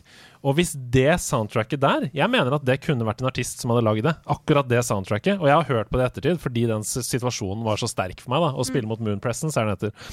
Um, og det kunne vært for eksempel Nå banner jeg i kirka, men hvis du tar vekk vokalen Nightwish. Det kunne det vært.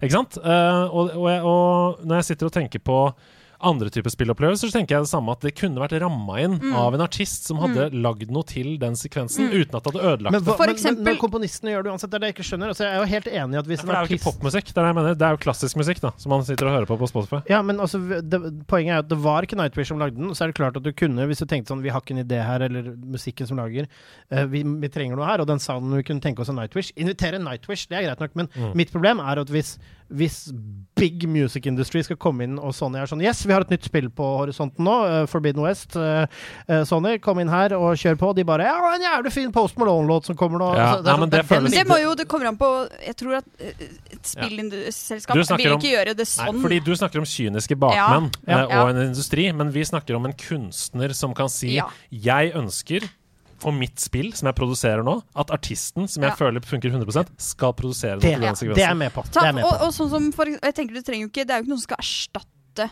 Uh, scoren i, i uh, spillet. Men ta for eksempel i Borderlands, da. Mm. I, når du har bossfight, eh, liksom. Og introene. Hvor, ja, Introene hvor fett hadde det ikke vært om det var At det var noen Det er en gyllen mulighet. Mm. Det, er- det, er, det er en gyllen mulighet, og så, er det, så tenker jeg sånn Jeg, hel, jeg kan være enig, og, og er enig, at så lenge du går til en artist Et, et stort eksempel for meg er jo når i Final Fantasy, når hun eh, godeste gjør eh, Stand By Me, hva er det den heter? Mm. Florence and the Machine. Ja, ja, ja. Når, de, når de gjør Stand By Me, som er fantastisk i den rulleteksten med bildene, og jeg gråter, og det er vakkert, men eh, passe på at det er det. Pass Ja. på at det er det. Ja, ja, ja. At Fordi- det er den veien, ikke ja. omvendt. Ja. Ja. Ja, det er jeg enig i. Og så tenker jeg at uh, et annet eksempel hvor det funker kjempebra, Bajonetta, eksempel. Der er det jo også musikk som er sånn Hun slayer Hun er den råeste dama, liksom, og slayer folk. Og det er sånn her da, da, da, da, da, da, da, da, da. Og jeg koser meg så, da. For det passer, det gir meg sånn herre «Eh, Dette koster meg ingenting å slaye masse stygge menn. Sånn, sånn føler jeg det. Bayonetta. Ja, sånn er det i Bajonetta. Nei, men dette var en nydelig nerdestrides. Ja. Og, og det beste med denne nerdestrides var at de nerde strides om. Ja! Merket du det? Merket du det? Men vi blir venner til slutt. Det gjør vi.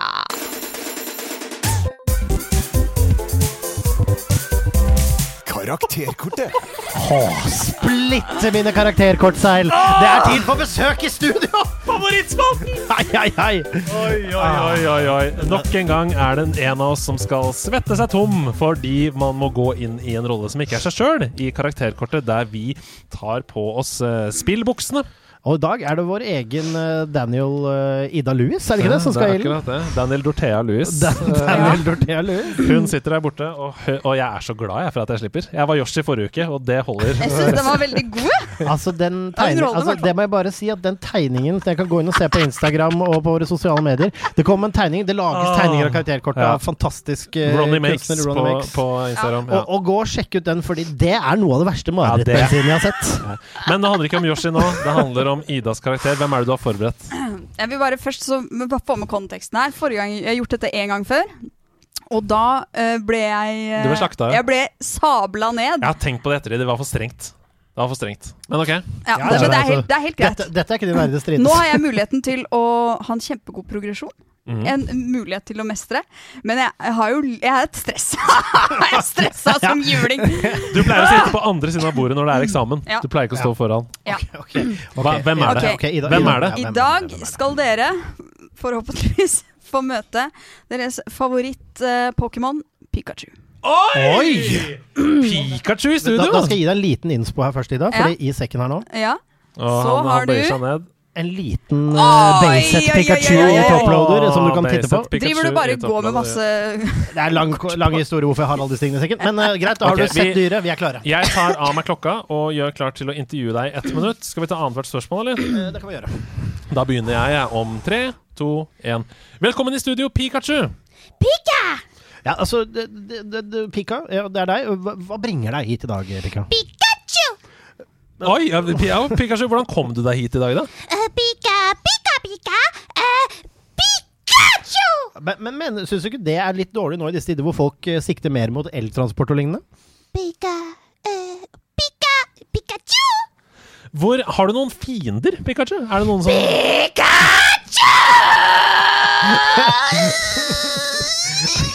Ok, jeg, ser, jeg, ser, jeg legger merke til her at du har på deg capsen i dag.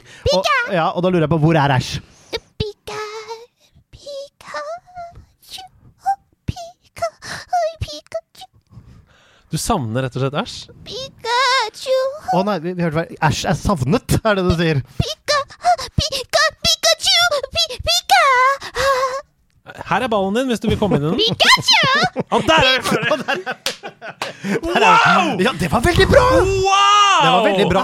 Det var veldig bra. Dette er Takk. Dette er dette må, uh, nå, uh, Vi må drøfte da på bakrommet, fordi du eksaminanten Ja, ut jeg på- går ut. på Jeg går ut. Ja, jeg. Eh, Du er på video nå, så alle ser du. Sebastian. Jeg, hvis jeg skulle vært Pikachu sjøl, Ja. så hadde jeg begynt der hvor Ida begynte.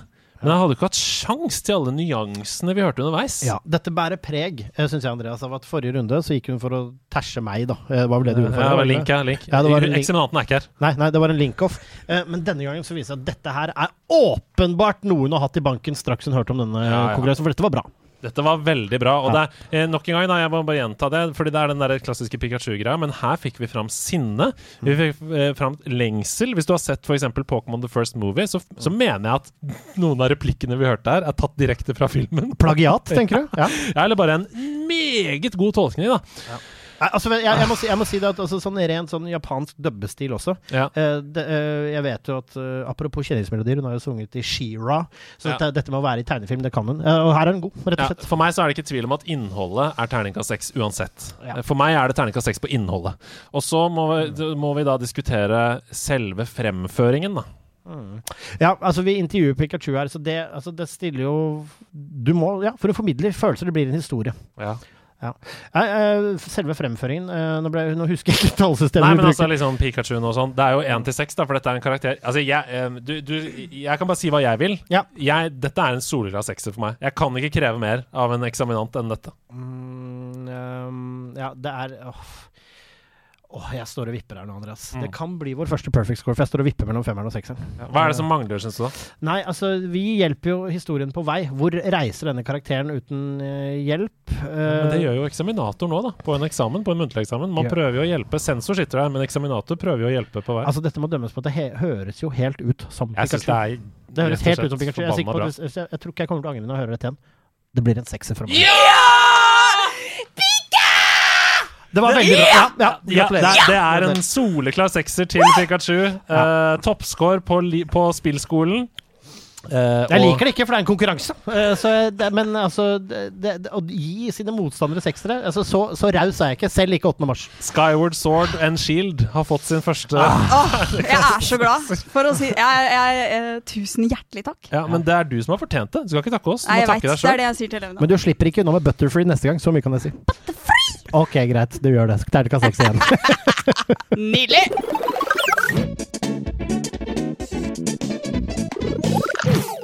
Poki i posten.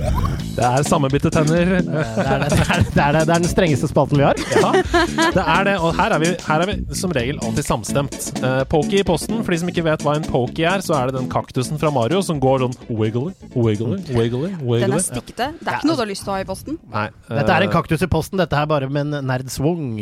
Svung heter det. Swung, sving.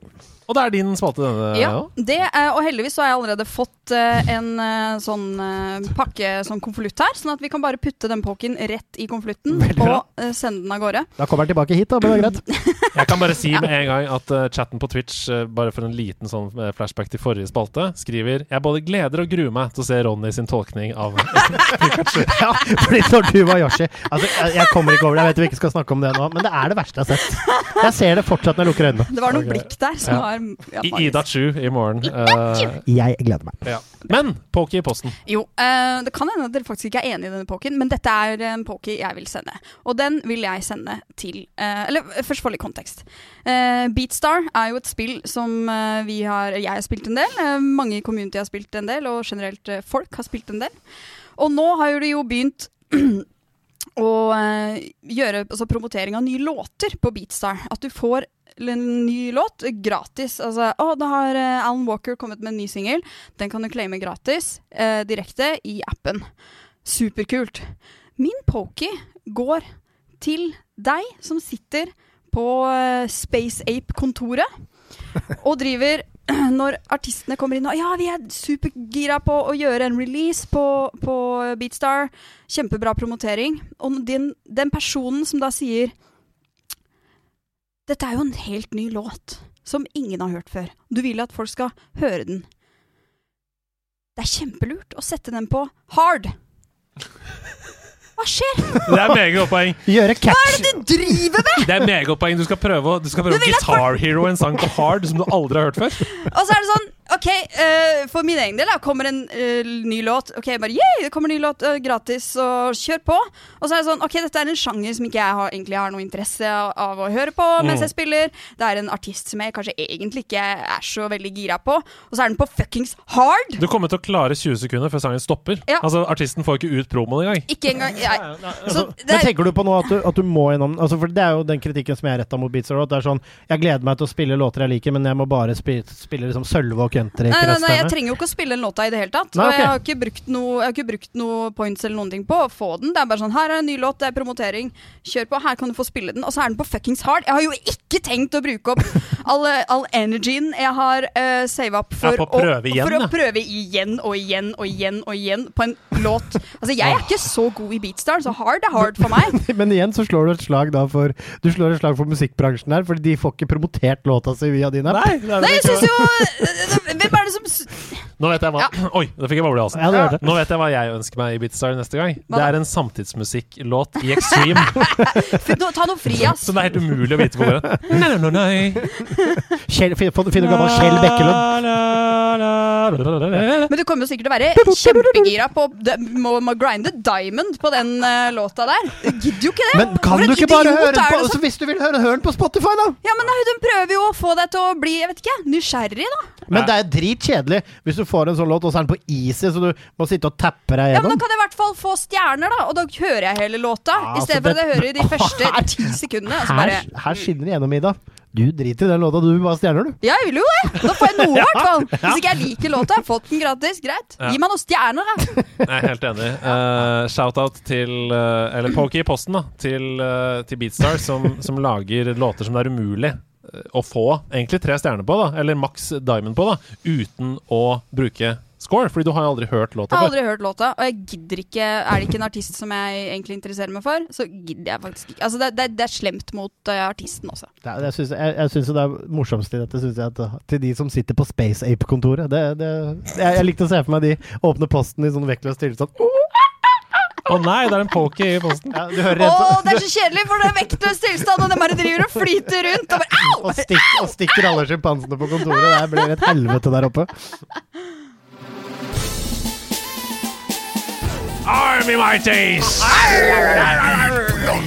Dette er et historisk piratøyeblikk. For i dag så skal de to uberestitte kongene av lydquizer opp mot hverandre. Hei! Jeg har jo allerede blitt knust en gang av henne. Ja, men det er oss to. Er det oss? Det er, det er meg og deg, Sebastian. Jeg trodde hun var den ubestridte kongen. Det er Ida som har forberedt Gå lydplanken. Det er jeg som står Hallabing, skal jeg konkurrere mot deg for første gang? Herregud! Men altså, Jeg var jo en ubestridt konge helt til den nye kom, og etter det så har jeg blitt knapt en knekt å regne. Oi! Men Så kan her står altså Andreas Hedman og Sebastian Brunestad på hver sin lille fislete lydplanke. For første gang står du i fare for å bli våt på anklene. Ja, ja og vel så det. Og jeg, jeg, min motstander er en dreven, um, dreven spiller, så Ja, jeg sliter, jeg, altså. En komplett spiller. Men jeg, altså sist gang så fikk vi noe kritikk da det var jeg For jeg sitter jo med liksom avviklingen her. Jeg må bare på det tro, på tro og lov si at det står oppgave 1, oppgave 2, oppgave 3. Jeg ser ikke hva Jeg har ikke hørt på låten, jeg vet ikke hva det er. Men jeg kan ikke stoppe den før du sier stopp, hvis Ja. du skjønner. Fordi uh, Sist gang så fikk jeg litt kritikk for at jeg bare 'Andreas', og så stoppa jeg den. da er det sånn uh, Men jeg kan si navnet mitt, og så må du si 'da kan du stoppe'. Ikke sant? Ja. For da kan jeg stoppe. Den er greit. Ja. Den er Her får vi, vi får implementere et slags honor code-system. Og la meg si du konkurrerer mot meg i dag. Jeg kommer ikke til å gi ved dørene her. Nei, det er bra. Nei. Det er bra. All right, husker dere navnet deres? Eh, Andreas. Sebastian. Yes, Ja. veldig bra. Uh, regelen er altså vi spiller av et lydklipp. eh, dere sier navnet deres, og jeg vil vite hvilket spill er det. Og så kommer det faktisk eh, et par oppfølgingsspørsmål til Ja. eh, hver, hvert lydklipp. Er Den er god. Da tar vi den første oppgaven, da. Vi tar den første oppgaven. Andreas, Stopp. dette er jo uh, Majora's Mask. Det er helt sjukt! Det er helt sjukt! Åssen Det var eh, Er det mulig?! Jeg, jeg, jeg, jeg, sto, jeg sto mellom det og altså, Jeg visste det selv, jeg sto mellom det og Skyward Sword, og så hadde du spilt Skyward Sword, men du var for rask for meg. Fuck! Det er helt rått. Det er helt Hvordan, rått. hvordan greide jeg det? Nei, det er, det, er, det, er helt, det er helt rått. Jeg er imponert. Wow! Oi, det var helt sjukt. Jeg tenkte det kom til å bli tight, men Jeg er imponert, altså. Jeg er bare dårlig taper. Ja, ja, ja, bare, men jeg må også si, bare som disclaimer, da Jeg lagde jo nettopp dypdykk Sidequest Majora's Mask Ja. med Jenny Jordal, så det kan jo ha noe med saken å gjøre. Altså, det, si meg sånn, Hadde du gitt meg et halvt sekund til, så hadde jeg tatt den. Altså, fordi Ja. det, det er en ikonisk akkord, Ja. men det, du, der var du rask. For, men jeg er, bare, får- jeg er imponert, men dårlig taper. Får vi et halvt steg ut på du. Eh, hopp! Den er god. Ja, det var, det var surmagehopp. Ok, første uh, oppfølgingsspørsmål. Uh, uh, I alle Zelda-spillene så møter vi jo det ikoniske symbolet Triforce. Så jeg vil vite, hva består de tre trekantene i Triforce av? Så altså Ja. Nå må du svare. Power, Mm, wisdom, ja. truth. Er det to av tre? Eh, Jeg vet ikke. Nei. Jeg kan ikke Nei, du jeg gir deg et poeng. Ja. Det er ja, det han skal power, wisdom, courage. Ja, courage, selvfølgelig. Ja, det. Truth? Men du, dette visste jeg jo egentlig når jeg tenkte meg om. Jeg husker ikke den siste, måtte gamble. Så vi er 1-1 her. Veldig, veldig Oi, bra. jeg får poeng, ja. Du tenkte på Lens of Truth. Det var jeg tenkte på. Og så skal bra. vi prøve Takk, å takk, kjøre en takk. liten sånn slags ehm, At dere må få en riktig hver, og den siste som ikke klarer å si en, eh, taper. Ja, det er gøy. Det er gøy. Gøy, gøy. Det er noe Bit for bit-inspirert. Oh, Ja, det er det. Nå, er vi nå er vi der. Breddeunderholdningen er på plass. Kom igjen. Og jeg skal prøve så godt jeg kan å være en Jeg- god uh, dommer her. Det er Ja. litt vanskelig. Uh, jeg tenker at du skal få begynne, Andreas, okay. siden du uh, tapte forrige Ja. spørsmål. Eh, og det jeg vil ha, er kvinnelige karakterer i Zelda-universet. Midna. Midna. Impa. Ja. Selda. Ja. Epona? Ja, det er en kvinnelig hest. Ja. Eh, Du skal få for den. Å, jeg sliter allerede. Uh, Sora. ja. Gr... øh, nei, det er et folkeslag. Gorons er en folk- Sora er et folkeslag. Hun heter ikke det. Nei, Hva heter du? Nei, det gjør du ikke. nei, Soras Domain. Ja, Ja, ja, ja. Eh, og hun Soran i Breath of Wild. Jeg, Da feller jeg deg på det, Andreas Hedman. Du Ja. tenkte på Mifu. Ja! Ja. Poeng til deg, Mifas. Sebastian. takk. Ja, ja, altså, jeg, kan, jeg, kan, altså, jeg hadde sagt Great Fairy neste, tror jeg. Ja, ja, ja, ja, Vi har jo Ja, du- karakterer som uh, Fi ja. Eller uh, Urbosa. ja. Sheik- Sjeik er vel giver seg ut for å være mann. Ja, men det er jo en dame. Det er Ja jo, da, men da er det jo Zelda. Ja, ja, ja, men Ok, Vi går videre til lydoppgave to. Lydoppgave to, ja. Ok, da trykker jeg enter her. Så må vi rope navnet vårt. Og hva er dette?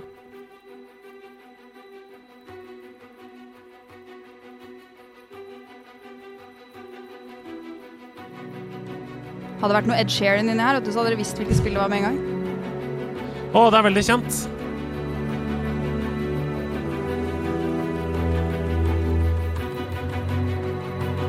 Det er veldig kjent. Det kommer en crescendo her. Det er veldig kjent, ja.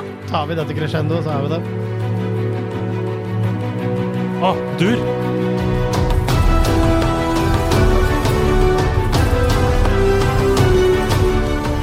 Er uh, veldig kjent. Vil du prøve deg, Sebastian? Eh, Sebastian, eh, eh, er det Uncharted? Nei, det er ikke det. Men det, kunne, det høres ut som noe som er Jeg tenkte også Uncharted først, men det føles ikke riktig. Jeg har lyst til å si Spiderman.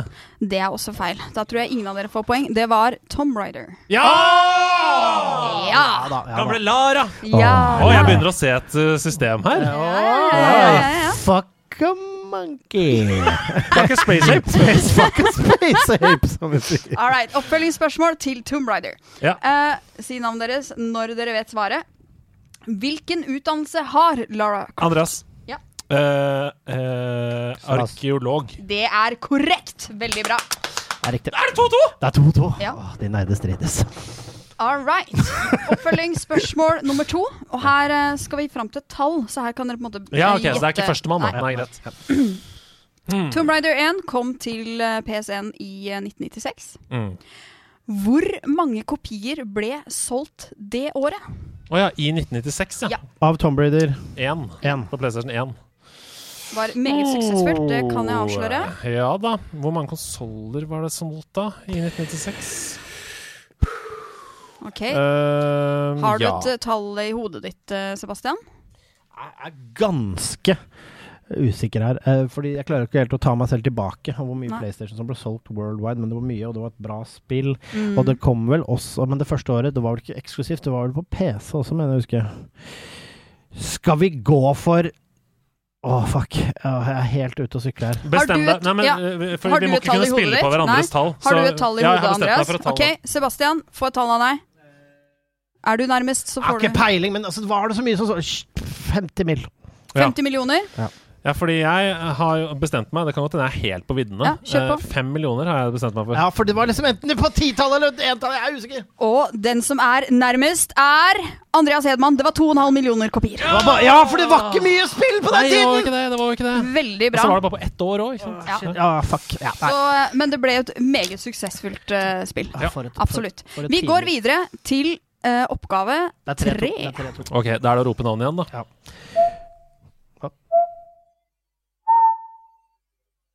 Åh, hva er dette, da? Oi! Det håper dere har uh... Andreas? Stopp. Er det Mickey's Wild Adventure? Det er feil. Skal vi fortsette låta? Kjør på. Ja. Litt rann til.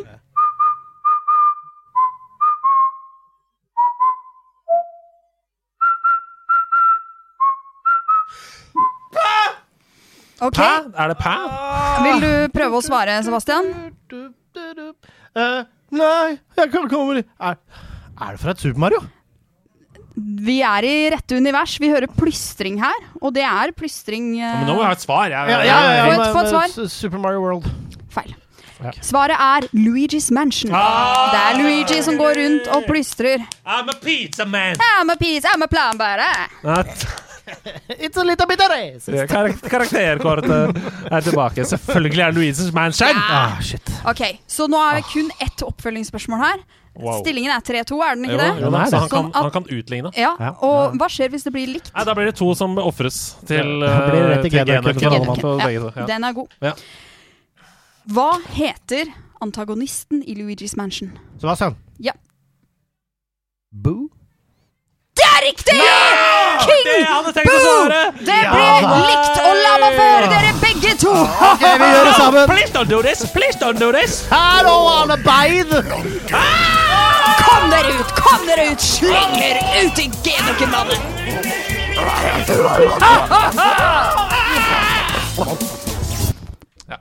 Ja, det, er, det, altså, det er jo Vi sier det hver gang, men det er stort radioteater, dette. Det er det. Det er korktavletid! Og jeg la jo ut en liten melding på Instagram. Jeg savner forresten litt den derre 'Hva står det på korktavlen?' Ja, Du er nok ikke alene om det, Nei. men det får vi ikke gjort noe med. Um, Kynisk. sånn er det. Og det har rent inn med spørsmål, så vil jeg bare kjøre på, jeg. Uh, Gun på. Hei, Hedemann og Blipp. Jeg ville bare skrive denne meldingen. Jeg har akkurat hørt ferdig episoden med legenden Solveig Mønster. Eh, og jeg må bare si for en episode. Eh, jeg vil bare si kort min historie. Mitt navn er Robin. Jeg er 22 år gammel. Jeg tok utdanning som rørlegger, og jeg har fagbrevet. Men jeg likte ikke det jeg drev med, og jeg ville ikke gjøre dette resten av livet. Jeg gikk rundt på jobb og var redd for hva jeg skulle gjøre, og hver dag når jeg kom hjem, så satte jeg meg ned og forsvant inn i den herlige spillverden. Men så kom det en podkast som reddet dagene mine på jobb. Nerdelandslaget. Er hyggelig. Og etter jeg hadde hørt en stund, så fikk jeg motet til meg og bestemte meg for å følge drømmen min om å jobbe med spill. Så nå går jeg påbygg eh, 4 VGS for å få studiekompetanse, og jeg søkte skole i Kristiansand i bachelor i interaktive medier. Og jeg fikk faen meg plass der. Så jeg skal følge drømmen min etter sommeren. Jeg ville Hei. bare dele denne meldingen for å si at det dere gjør, eh, det du har lyst til å leve av, gjør det. Jeg fikk ikke de beste karakterene på VG1 og VG2, og jeg har dysleksi, men når du jobber mot noe du vil gjøre, så er det sykt hva du får til. Så tusen takk, herlige nerdelandslaget, for dere har, at dere har gjort hverdagene mine bedre, og rett og slett reddet livet mitt, og gjort at jeg kan smile igjen. Dere er rå. Hilsen Wasabi-kriger. Åh, Wasabi-kriger, du er rå. Altså, vet du hva? Jeg har lyst til å si Wasabi-kriger. Det er veldig hyggelig å høre, og veldig glad for at du er glad i podkasten. Men vi var eh, bare et dytt på veien. Det er du som redder livet ditt, vet du. Mm. Det er helt riktig. Eh, eksempel til etterfølgelse. da En som ikke har det noe bra, og tar det på alvor og gjør noe med det. Det, er jo, det krever jo en enorm styrke, da. Det gjør det. Og fra alvor til spøk, Wasabi-kriger, det var en sterk historie. Å, fy faen! Du har tenkt å gå videre! Altså, Ida. Altså, altså, altså, det var en sterk historie. Og wasabi, altså, vet du hva? Vi kan ikke si noe mer om det, Wasabi-kriger. Følg ordspilldrømmen også. Eh, Kjør videre med Da den. kan du ende opp uh, som en lektor og programleder i nederlandslaget. Det uh. Eh, det er jo helt fantastisk. Og det er sterkt. Det det er en sterk historie fra. Wasabiens kriger. Det er fantastisk. Og lykke til, da. Herregud. Ja, lykke til. Dette kommer til å gå kjempebra. Spørsmål spesielt til Hedemann. Hva syns du om at Sony slapp mikrotransaksjoner til Gran Turismo 7 etter at de fleste anmeldere hadde publisert sin anmeldelse? Ville dette påvirket antall Hedemenn du ga spillet? Hilsen Shiny Boomer. Bra nikk. Shiny Boomer. Shiny Boomer. Uh, og greia her, det er at vi visste ikke Altså, det var jo en in game shop der, ikke sant? Men vi som anmeldte det, som hadde det før uh, release, vi visste ikke hva det kom til å koste. For det sto ikke noe pris på in game credits uh, før spillet var live. Og for å være helt eh, 100% ærlig, så er det spillets økonomi så godt balansert at det føles helt unødvendig å kjøpe in game currency i det hele tatt, annet enn hvis du har lyst til å jukse med progresjonen. Mm.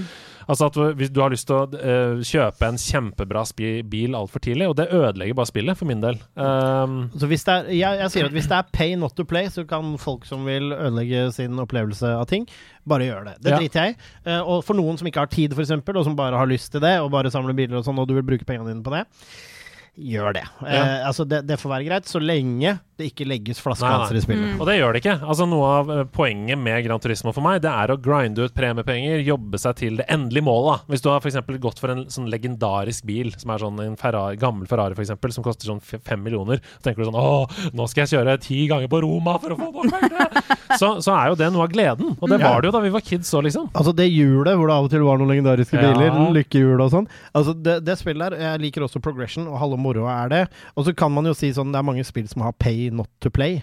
Eh, og jeg bare håper at i fremtiden at de ikke begynner å låse ting Ja bak det. Så det, det gjenstår jo å se, men jeg syns, jeg syns allikevel det er passer cheeky å liksom holde den, til, å holde den tett til brystet. Så en liten mikropoke i posten til Ja. Polyphony for det. Kunne nok kanskje ha visst, vi anmeldere, hva de forskjellige tiersene kosta. Det kunne vi ha visst. Mm. Um, men som sagt, ikke nødvendig i det hele tatt å bruke det. Hei og hopp, kjære favorittpodkasten min. Er, du smigrer. Um, hvilken spillfigur ville du gitt navn Ville du navngitt katten eller hunden din etter? Uh, Og hvilken spillfigur ville du absolutt ikke gitt navn etter? Hilsen Lucivere. Du kan jo tenke først, Ida, hvis du har lyst. Pikachu. Ja, altså, som katt, ja. Pika. Pika, kanskje? Det er kanskje koselig. ja. Pika. Kom, da! Pika. Fordi det er jo, eh, Henrik Fladseth har en veldig morsom standup-bit hvor han snakker om at når jeg får meg hund, så skal den hundens navn være den absolutt minst krevende lyden jeg klarer å smæle ut Ja. av halsen. Fordi jeg skal jo si det tusen ganger om dagen. Mm. Så jeg vil bare at det skal hete Ah! Ah, kom hit! Ja, ja, ja. Ah, det er mat! Og så videre. Eh, og Pika er jo litt i den kategorien. Pika, kom her. Pika. Men eh, ja. Pika, pika, ja. Pika. Du har kanskje- jo- ja. Ja, hun, og den heter Finn. Eh, den Ja. heter Finnegan. Eh, etter, eh, fordi han er en Jack Russell-terrier, irsk herkomst, og det er en irsk bokser som heter eh, Lang historie. Men han ble nesten hetende Link. Men så er Ja. det er for vanilje. Og så var hun bare en Finnegan, mer enn Finnegan, og en Ja. Finn. Eh, så det ble det. Men jeg tror nok kanskje Link hadde scora høyt, eh, som et navn jeg hadde valgt. Og så tror jeg liksom Tror kanskje altså, eller vet du hva, nei. Eh, Eller jo, jeg vet ikke om dette er det jeg minst vil ha eller mest vil ha, for det er gøy, men Johnny Bazooka Toon. Det er veldig gøy. Hva heter hunden din? Johnny Bazooka Toon. Men jeg syns også Rayman er et veldig kult navn på Men, den. men det, jeg trodde Snum, eller hva han het for noe? Snom. Snom? Ja, hvis, Snom han, hvis Nom befinner seg Jeg tør Jeg tviler Du, på at de har turt å putte kutt på benkespill. Beste navnet Uh, på en katt etter en spillkarakter? Frikadito! Frekatito, ta-ta-ta-ta. Ja, helt enig. Um, jeg hadde Altså, Hans Magnus, min kompis, Mhm. hadde en eh, ekstremt hard Den er ikke død. Har en ekstremt eh, gira Jack Russell-terrier som heter Sonic. Det syns jeg er veldig gøy. Det er veldig gøy. Eh, og så ville jeg aldri i verden gitt katten min navnet Duke Nukem. Det ville jeg aldri. Hva?! Altså, det, altså, vet du Jeg hva? liker Duke Nukem og Ja, dette, sover. Altså, dette er kona mi Camilla, og her er Duke Nukem. Jeg, vet du hva? Prikken. En liten omdøping av prikken nå. Det tenker jeg.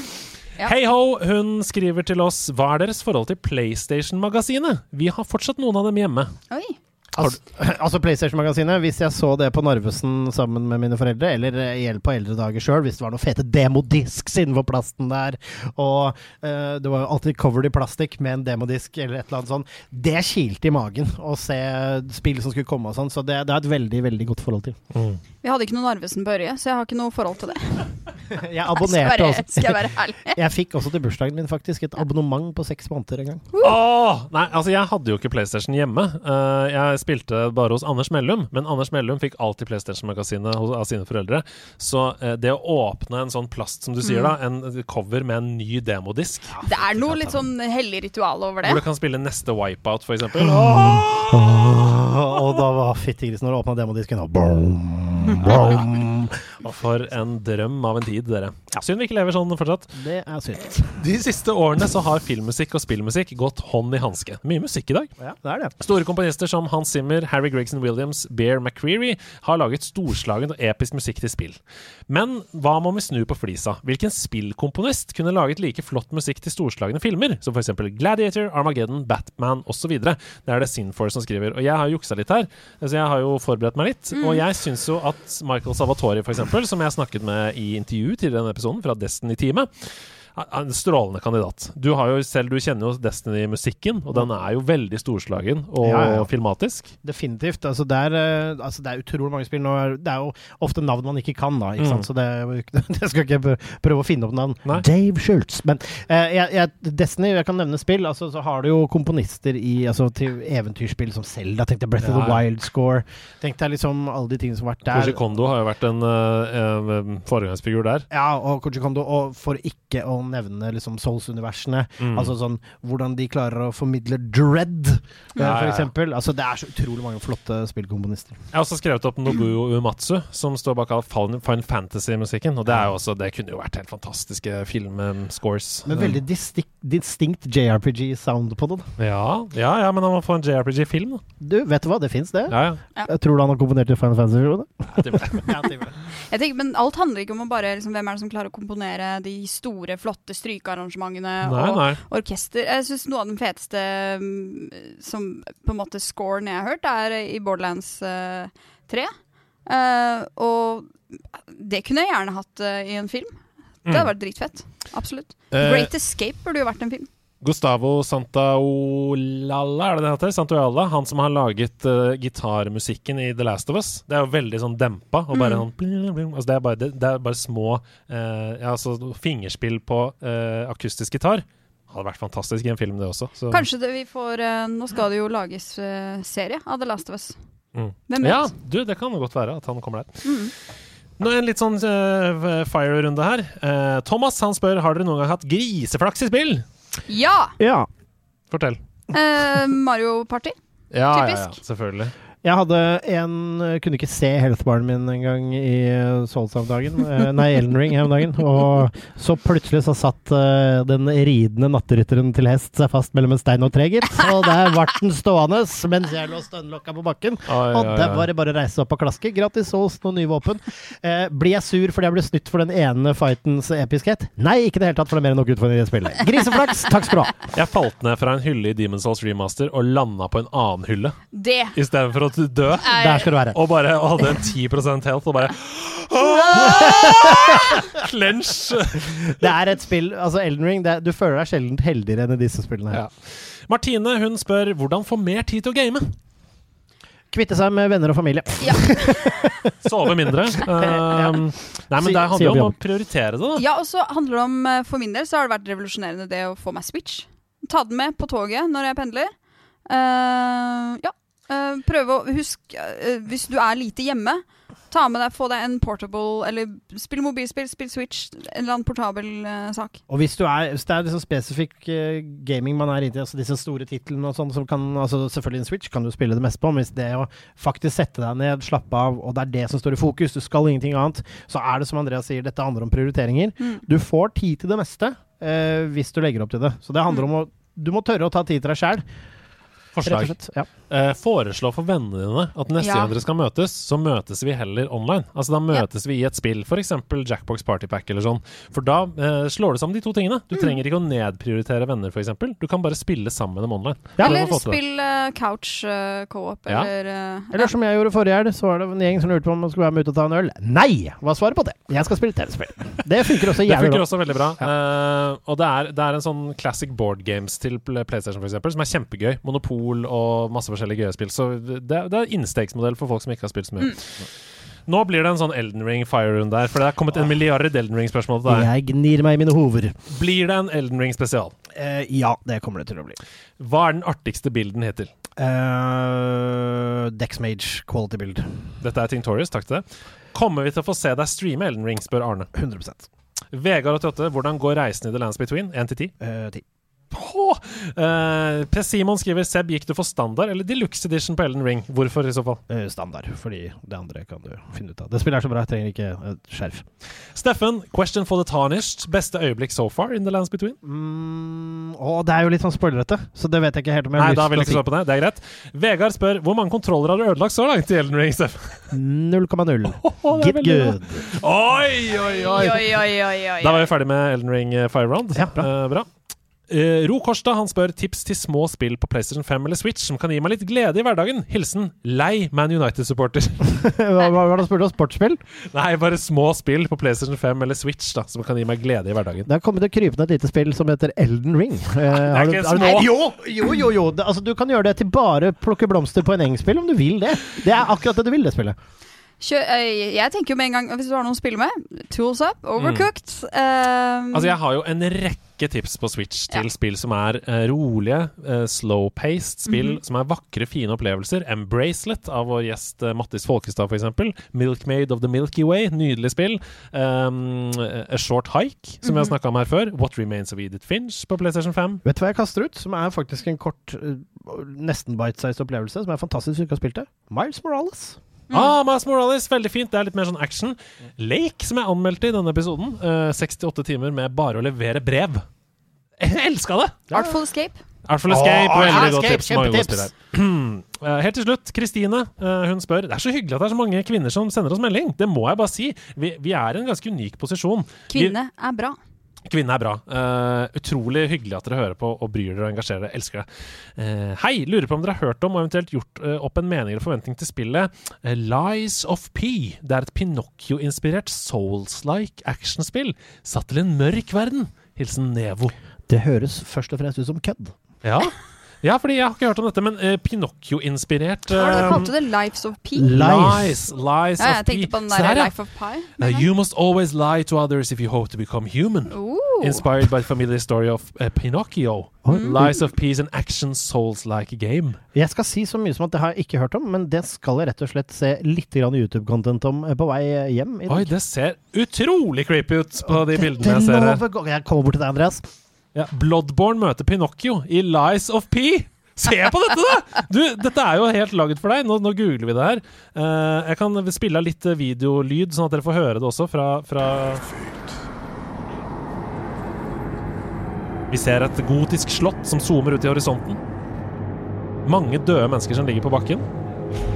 Uh, Sebastian er borte fra mikrofonen, så han hører ikke hva han sier. Han sier det er grusomt, sier han. OK, dette er, dette er for Sebastian. Det er noe å kose seg med. Eh, altså bare 300, 400, 500, 600, 700 altså Et par tusen timer i Ellen Ring, da, så tror jeg jaggu det skal bli litt eh, Lies of P på morgenen. Nei, det var hyggelig. Tusen takk for at dere sender så mange spørsmål. Fortsett med det, for da blir korktavla vår aldri tom. Woo!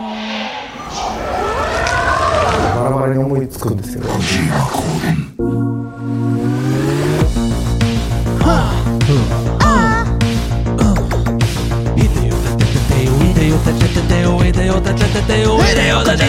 Hideo har tatt over med Mario.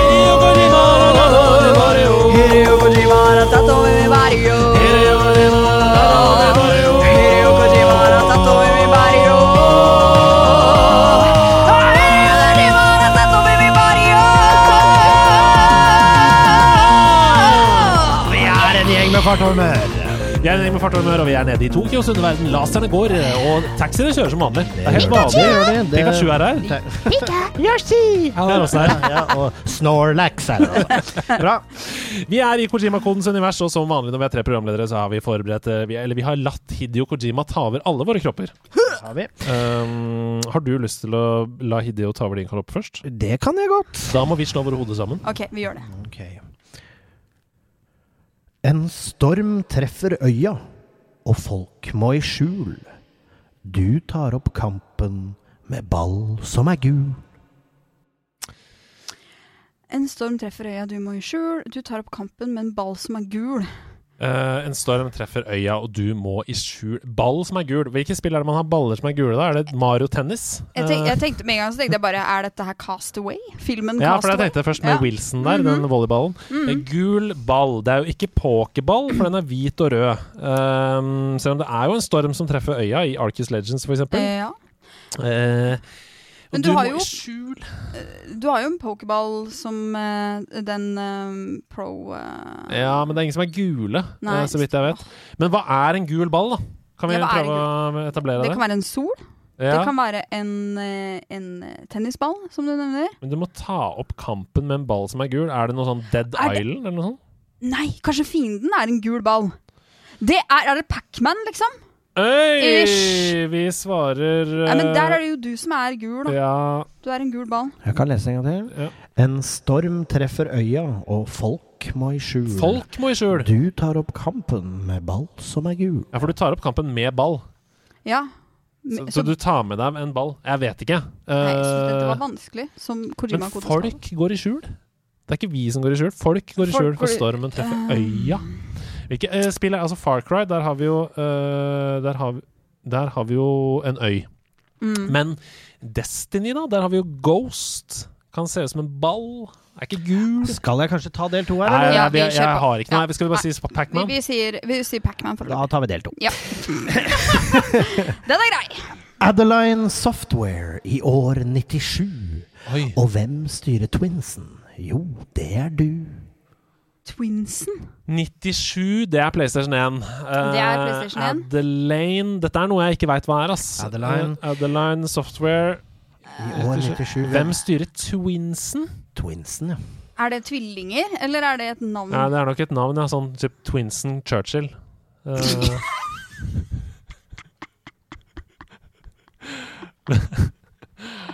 Med ball som er gul. Det er ikke, det er ikke dette road rage Det er ikke det derre Nei. Ah, det her er, det her er vanskelig. Um, Eh, Jeg har ikke sjans, jeg. Twinsen Nei, jeg vet ikke, altså. nei. Nei, vet du hva, jeg skrev en del tre mens vi holder på. her. Ja, Så ser vi tar det da. ja. Ballen oppgraderes på din vei. Et lite, stort eventyr venter på Ja, deg. det er selvfølgelig Little Big Adventure. Ja, Little Big Så- Adventure 2! Det er det selvfølgelig! Ah. Der tror jeg det var noen som reiv seg håret hjemme. Nei, jeg har, ikke noe, jeg har ikke noe forhold til de spillene. Altså. Jeg har ikke ikke det. Eh, de kommer, i, kommer i remake nå, eller remaster. Ja, det var derfor jeg tenkte at det kanskje var aktuelt. Det er en av mine favorittspill gjennom tidene. Little Big Adventure 2, som vi skal fram til her. Um, Ja. Fantastisk uh, spill. Jeg gleder meg til å se om de har håndtert det med respekt i Reduxen. Beklager det at det var vanskelig, men jeg håper noen der hjemme knuste laget. Ja, Det skal jo være litt vanskelig. Ja, det skal være litt vanskelig. Jeg tenker at du kan få avslutte spalten i dag, så jeg gønner på med mine. Ja. Og den er innsendt! Oi, flott! Hideo Kojima har tatt over en lytters body. Oi! Oi, det er ikke hver uke. Hideo Og- Kojima så- på turné. Og da blir Ja, på turné i folks kropper. Det er ikke lov å si. Det er En slags Rune Rudberg-aktig oppførsel. oi! Det er ikke lov å si! Det, det derimot. Men det er her- morsomt. Ja, det er morsomt, og det blir sånn nye type rimsystemer og sånn. Ikke sant? For dette er jo noen Mm. andre som Ja, ok, her, og det er tre ledd. Her kommer første. Gjør deg klar, for her kommer en joker. Det er på tide å velge. Er du king eller kong? Ok, er det Jo, vent, da. Vent. eh, er, det, er vi, vi i Batman-universet? Eh, Joker? Det kan det jo være. Um, Men eh, king eller kong um... Gjør deg klar, for her kommer en joker. Det er på tide å velge. Er du én king eller kong? Ehm, En king eller kong? En king Er eller kong, altså som i En ape? Ja, altså Ja. Er du kong, liksom? Um, en king, er du en konge eller en Ja. ape? Er det Åh uh, Her kommer en joker. Og jeg tenker også litt på Jungelboken. Ja. Spennende tenkt. Et, uh, jo, takk. Spennende tenkt. Greit, det er ikke folk Jungelboken. når trenere i fotball sier sånn Ja. Bra tenkt! Ja, Når man, Ja, det er komplimentsandwichen. Uh, bra tenkt. Feil, men uh, godt resonnert. Eh, King eller Men Eller det kan være et kortspill. Ja. Der har du joker, og du Å, er det juks? Hvis, er du er det, kan det være et kortspill? Det hadde vært helt sjukt. Ja. Det skal til kabal. Nei, det er ikke et kortspill. Jeg kan avsløre det med en gang. Jeg hadde jo faktisk, Lasserakker. jeg hadde faktisk minesveiper en gang. Det var veldig gøy. Da, da, det var, da ble jeg veldig fornøyd. Altså, jeg lurer på om jeg trenger en del to her. Ja, her kommer det to. Fra zero til hero. Ja. Nå er slangen ute av boksen. Hvor skal vi møtes? Det er opp til deg. Fiendtlig eller ei. Det her er jo fra Zero til hero! Jeg vet hva det er! Nei. Hercules? Uh, det, uh, Det er fra Zero til er det king eller kong? Det er black and white! Er det det? Åh, det er, black and white? veldig godt tippa, men det det, er der kan det det. være stor ape! Ja, ja, ja. Nei, det er ikke det, men det er bra tippa. Ah, og det er bra du tenkte på det. For du fikk black and white. Uh, det, det er i gang. Jeg har ikke hatt tid da for Elden Ring, men det ligger klart. Uh... Hva, hva var det hva, Jeg må få Fra zero til hero, nå er slangen ute av boksen. Hvor skal vi møtes? Det er opp til deg. Fiendtlig eller ei. Fra zero til hero. Nå er er slangen litt, ute av vet du hva? boksen. Den, den er nok litt for diffus, denne, så vi bare går rett på Jeg tenker på Jackbox. Hei der, mister. Skal du spille eller se? For her kan du godte deg i Sakurais karakterbuffé. Sak- Så hvis dere setter sammen at det er en karakterbuffé, og du Mm. kan velge joker, king eller kong Ah! Ha! Eh, Er vi på Super Smash, liksom? Nei. Åh, shit! Og her skriver da Petter, som har sendt inn denne, jeg refererer til karakterene Joker, Donkey Kong, King, DDD, Snake, Hero, Mr. Game and Watch. Jeg nevner også Sakurai, som står bak spillserien, og Zero, som er en kjent profesjonell Super Smash Bros.-spiller. Ja! Den er veldig bra. Å, det er veldig bra. Altså, det, hadde jeg hatt mer peil på Super Smash, så hadde jeg helt sikkert dette. Ja. Men det var sånn King, når du sa Fight King og Joker, tenkte jeg sånn Har det vært en Tekken DC-crossover? Og dette er jo veldig typisk når man skriver Kojima-koden for første gang. Altfor vanskelig. Første gang man skriver Ja, ja. det. det er, jeg gikk også i fella flere ganger. Men, Men, men vi klarte det på ledd tre, da. Ja. Og det er jo bra. Ja. Det gjorde vi. Det, okay. det er godkjent, det. Jeg har en toleddsoppgave. Ja. Ok, er klar. La oss rocke, rulle, le og tulle. Men hvem vet best når det står på uh, Nei, men hvem er best når det står på som mest? Et møte med punken, trynet i skåla. Snu deg helt rundt og ta deg på nesa. Først så tenkte jeg rocke og rulle. Ja, det er MC-musene fra Mars. Rocke og ri kubikk, litt. La oss rocke og rulle. Eh, Men, men et møte med punk Altså, dette lukter jo Tony Det Hawk. gjør jo det. Lukter jo Tony Hawk. Og Ja. huet i skåla, det er jo Neversoft for en do i logoen, er det ikke det? dette er Tony Hawk. Det er riktig! Dere er gode. Dere er gode. Dere er de beste i verden. Og tenk at jeg nevnte tidligere uh, i Ja, musikk ja, det var det jeg tenkte på. Å oh, ja, der kom den, ja. Mm. Pika, tenkte du. Wow, ok, få ledd nummer to, da. ja. eh, Skål var forresten en referanse til bowl. Ja, for det er jo bowl der, jeg stemmer det. Men det er et øyeeple som plumper i en dass på et eller annet Ja, tidspunkt i. Neversoft. Et ørnerede kaka! Scarface viser hva han er laget av. Vil du bli som heltene, så kom deg ut. Asfalten venter på at du skal bli Gud. Hadde, du burde ha begynt med andre ledd, for det blir vanskeligere.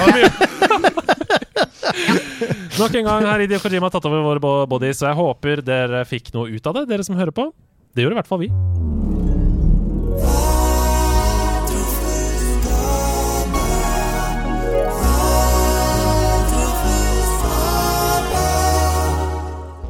Det stemmer, mine damer og herrer. Du har en Vi er, nydelig eh, sangstemme. Det er ikke min. Det er Fark, er Det er faktisk- ikke? det er Fark, ja. hører det. Men det Fark, du litt synger som en- trønderdialekt. Trønderdeig. Trønder Det er litt sånn trolldeig. Vi er, eh, det er den tiden i måneden. Det er troféskapetid, og det er jo helt si eh, fantastisk. Vi Eh, alle synka vår menstruasjon. Det er den tiden i måneden. Andreas prøver veldig å ha andakt og følelse. Og de, denne sendingen er så spekket med, Ja. med godt stoff, og vi klarte ikke å ta energien. Nå, Nei, andakt og følelse. Nå uh, skal vi ta det hele litt ned, for jeg har skrevet et troféskap. Og det er jo kvinnedagen i dag, eh, og jeg tenker at jeg bare begynner å lese det, hvis det er greit for dere. Eh, da begynner vi. Jeg er litt nervøs, for å være helt ærlig. Altfor lenge så er det en gruppe i samfunnet, både i spillkulturen, blant spillere og hos spillutviklerne selv, som har hatt kjipere liv og dårligere vilkår enn andre. En gruppe som deler den samme kjærligheten til spill og spillkulturen som sin motpart. En gruppe som bryr seg, men som må jobbe hardere for å bli akseptert, og som ikke har de samme mulighetene som andre spillere. Og du tror kanskje at jeg snakker om en marginalisert gruppe nå, et lite mindretall i den store sammenhengen? Nei, jeg snakker om halvparten av oss. Jeg snakker om kvinnene. Og aller først så vil jeg hylle de tredimensjonale kvinnelige spillkarakterene som har tatt spill ut av mørket og inn i lyset som kulturuttrykk.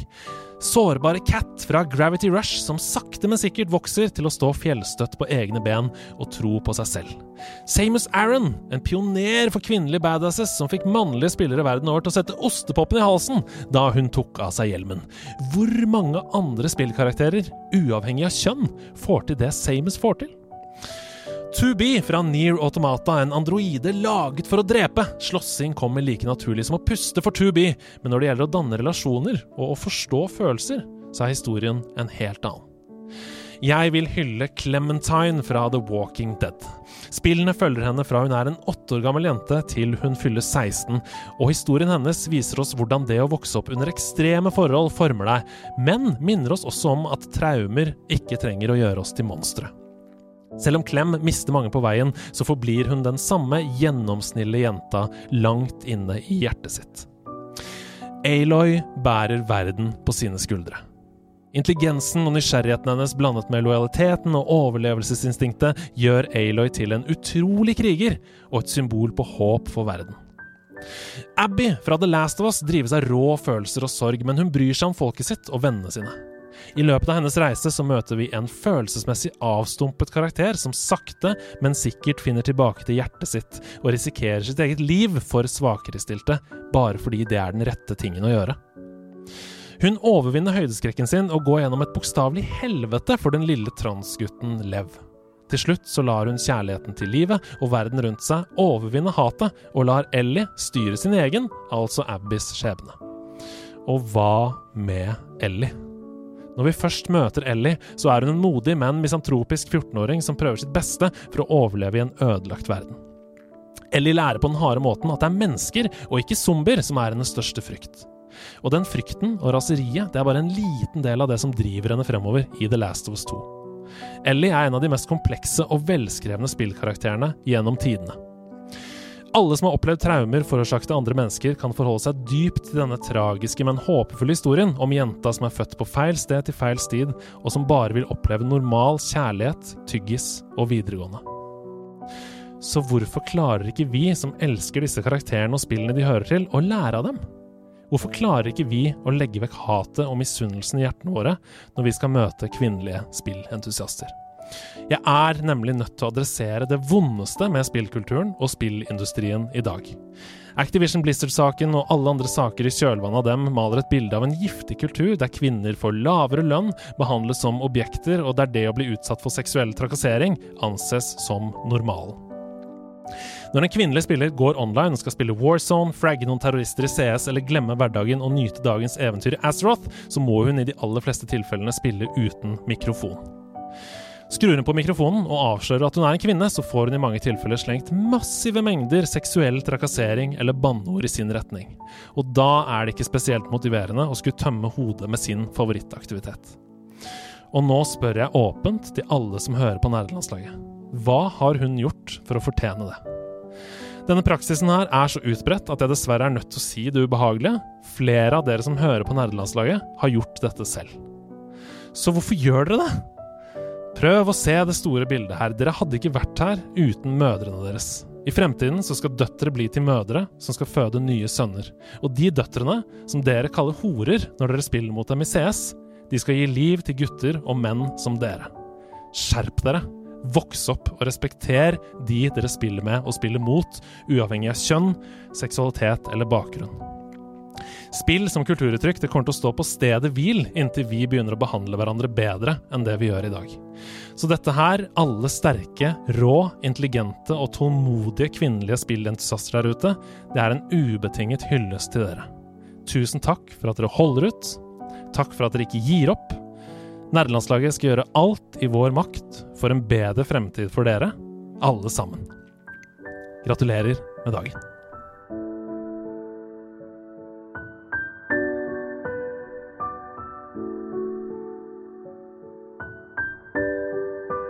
Sånn er det. Det der var bare Det er ikke noe annet å si enn at det var helt nydelig. Sitter den. Den sitter. Ja, det er jo noe dritt, da. At vi må sitte her og ha disse um, um, Ja, si disse tingene. Men det må vi. Jeg syns det er helt konge å bruke uh, anledningen til å Ja, det er fint å si gratulerer med dagen, men å adressere problemer. Og, og det er kun da vi kan komme videre og gjøre, gjøre spilltilværelsen til en bedre tilværelse. Og så tror jeg man ser også i vårt community hvordan at selvfølgelig, det er mange tall, men man kan se i vårt community hvordan, hvordan kjønn ikke trenger å ha noe med saken å gjøre. Mm. I, på noen som helst måte. Som er noe av det beste med nederlandslaget. I hvert fall min oppfatning av det. Og som finnes det sikkert unntak som bekrefter regelen i alle Mm. steder. Men overallen vår er i hvert fall en god blanding av alle kjønn som eh, får nøyaktig den samme plassen. Og det tror jeg er, det er noe vi skal være stolte av, både kvinner og menn i denne gruppa. OK. Tusen All takk right. for i dag, dere. Det har vært en utrolig deilig sandwich av en episode. Det her har vært helt uh, fantastisk. Det har vært så gøy. Ja. For, for, altså for et følelsesregister. Det var rørt på tampen der. Og det var pent sagt og en fin uh, huskeregel, men uh, Vi har jo lært så mye av disse karakterene. Vi må jo bare tenke at de fins, liksom. For bare, for bare 10-15-20 år siden så var kvinner i spill bare pupper, liksom. Det var ikke noe annet enn det. Det var trekanter i Lara, Lara Ja, ja, Og nå er det jo faktisk tredimensjonale, fantastiske karakterer som er noen av de vakreste historiene vi har fått fortalt. Så Vi er på vei et sted, og vi skal ikke stoppe. det skal vi ikke. Og jeg er veldig glad for at denne podkasten kan ha en viktig prat om disse tingene, men at det også kan bli spist av genøkken etter å ha gått den proverbiale lydplanken. Tusen takk for oss! Gå inn på Discord! Kom og se på quiz med Hasse i morgen! Og kom og se oss i Kristiansand. Der skal vi bli hele natta og drikke masse øl og kose oss. Herregud, hva slags podkast har vi blitt?! Ha det! Ha det!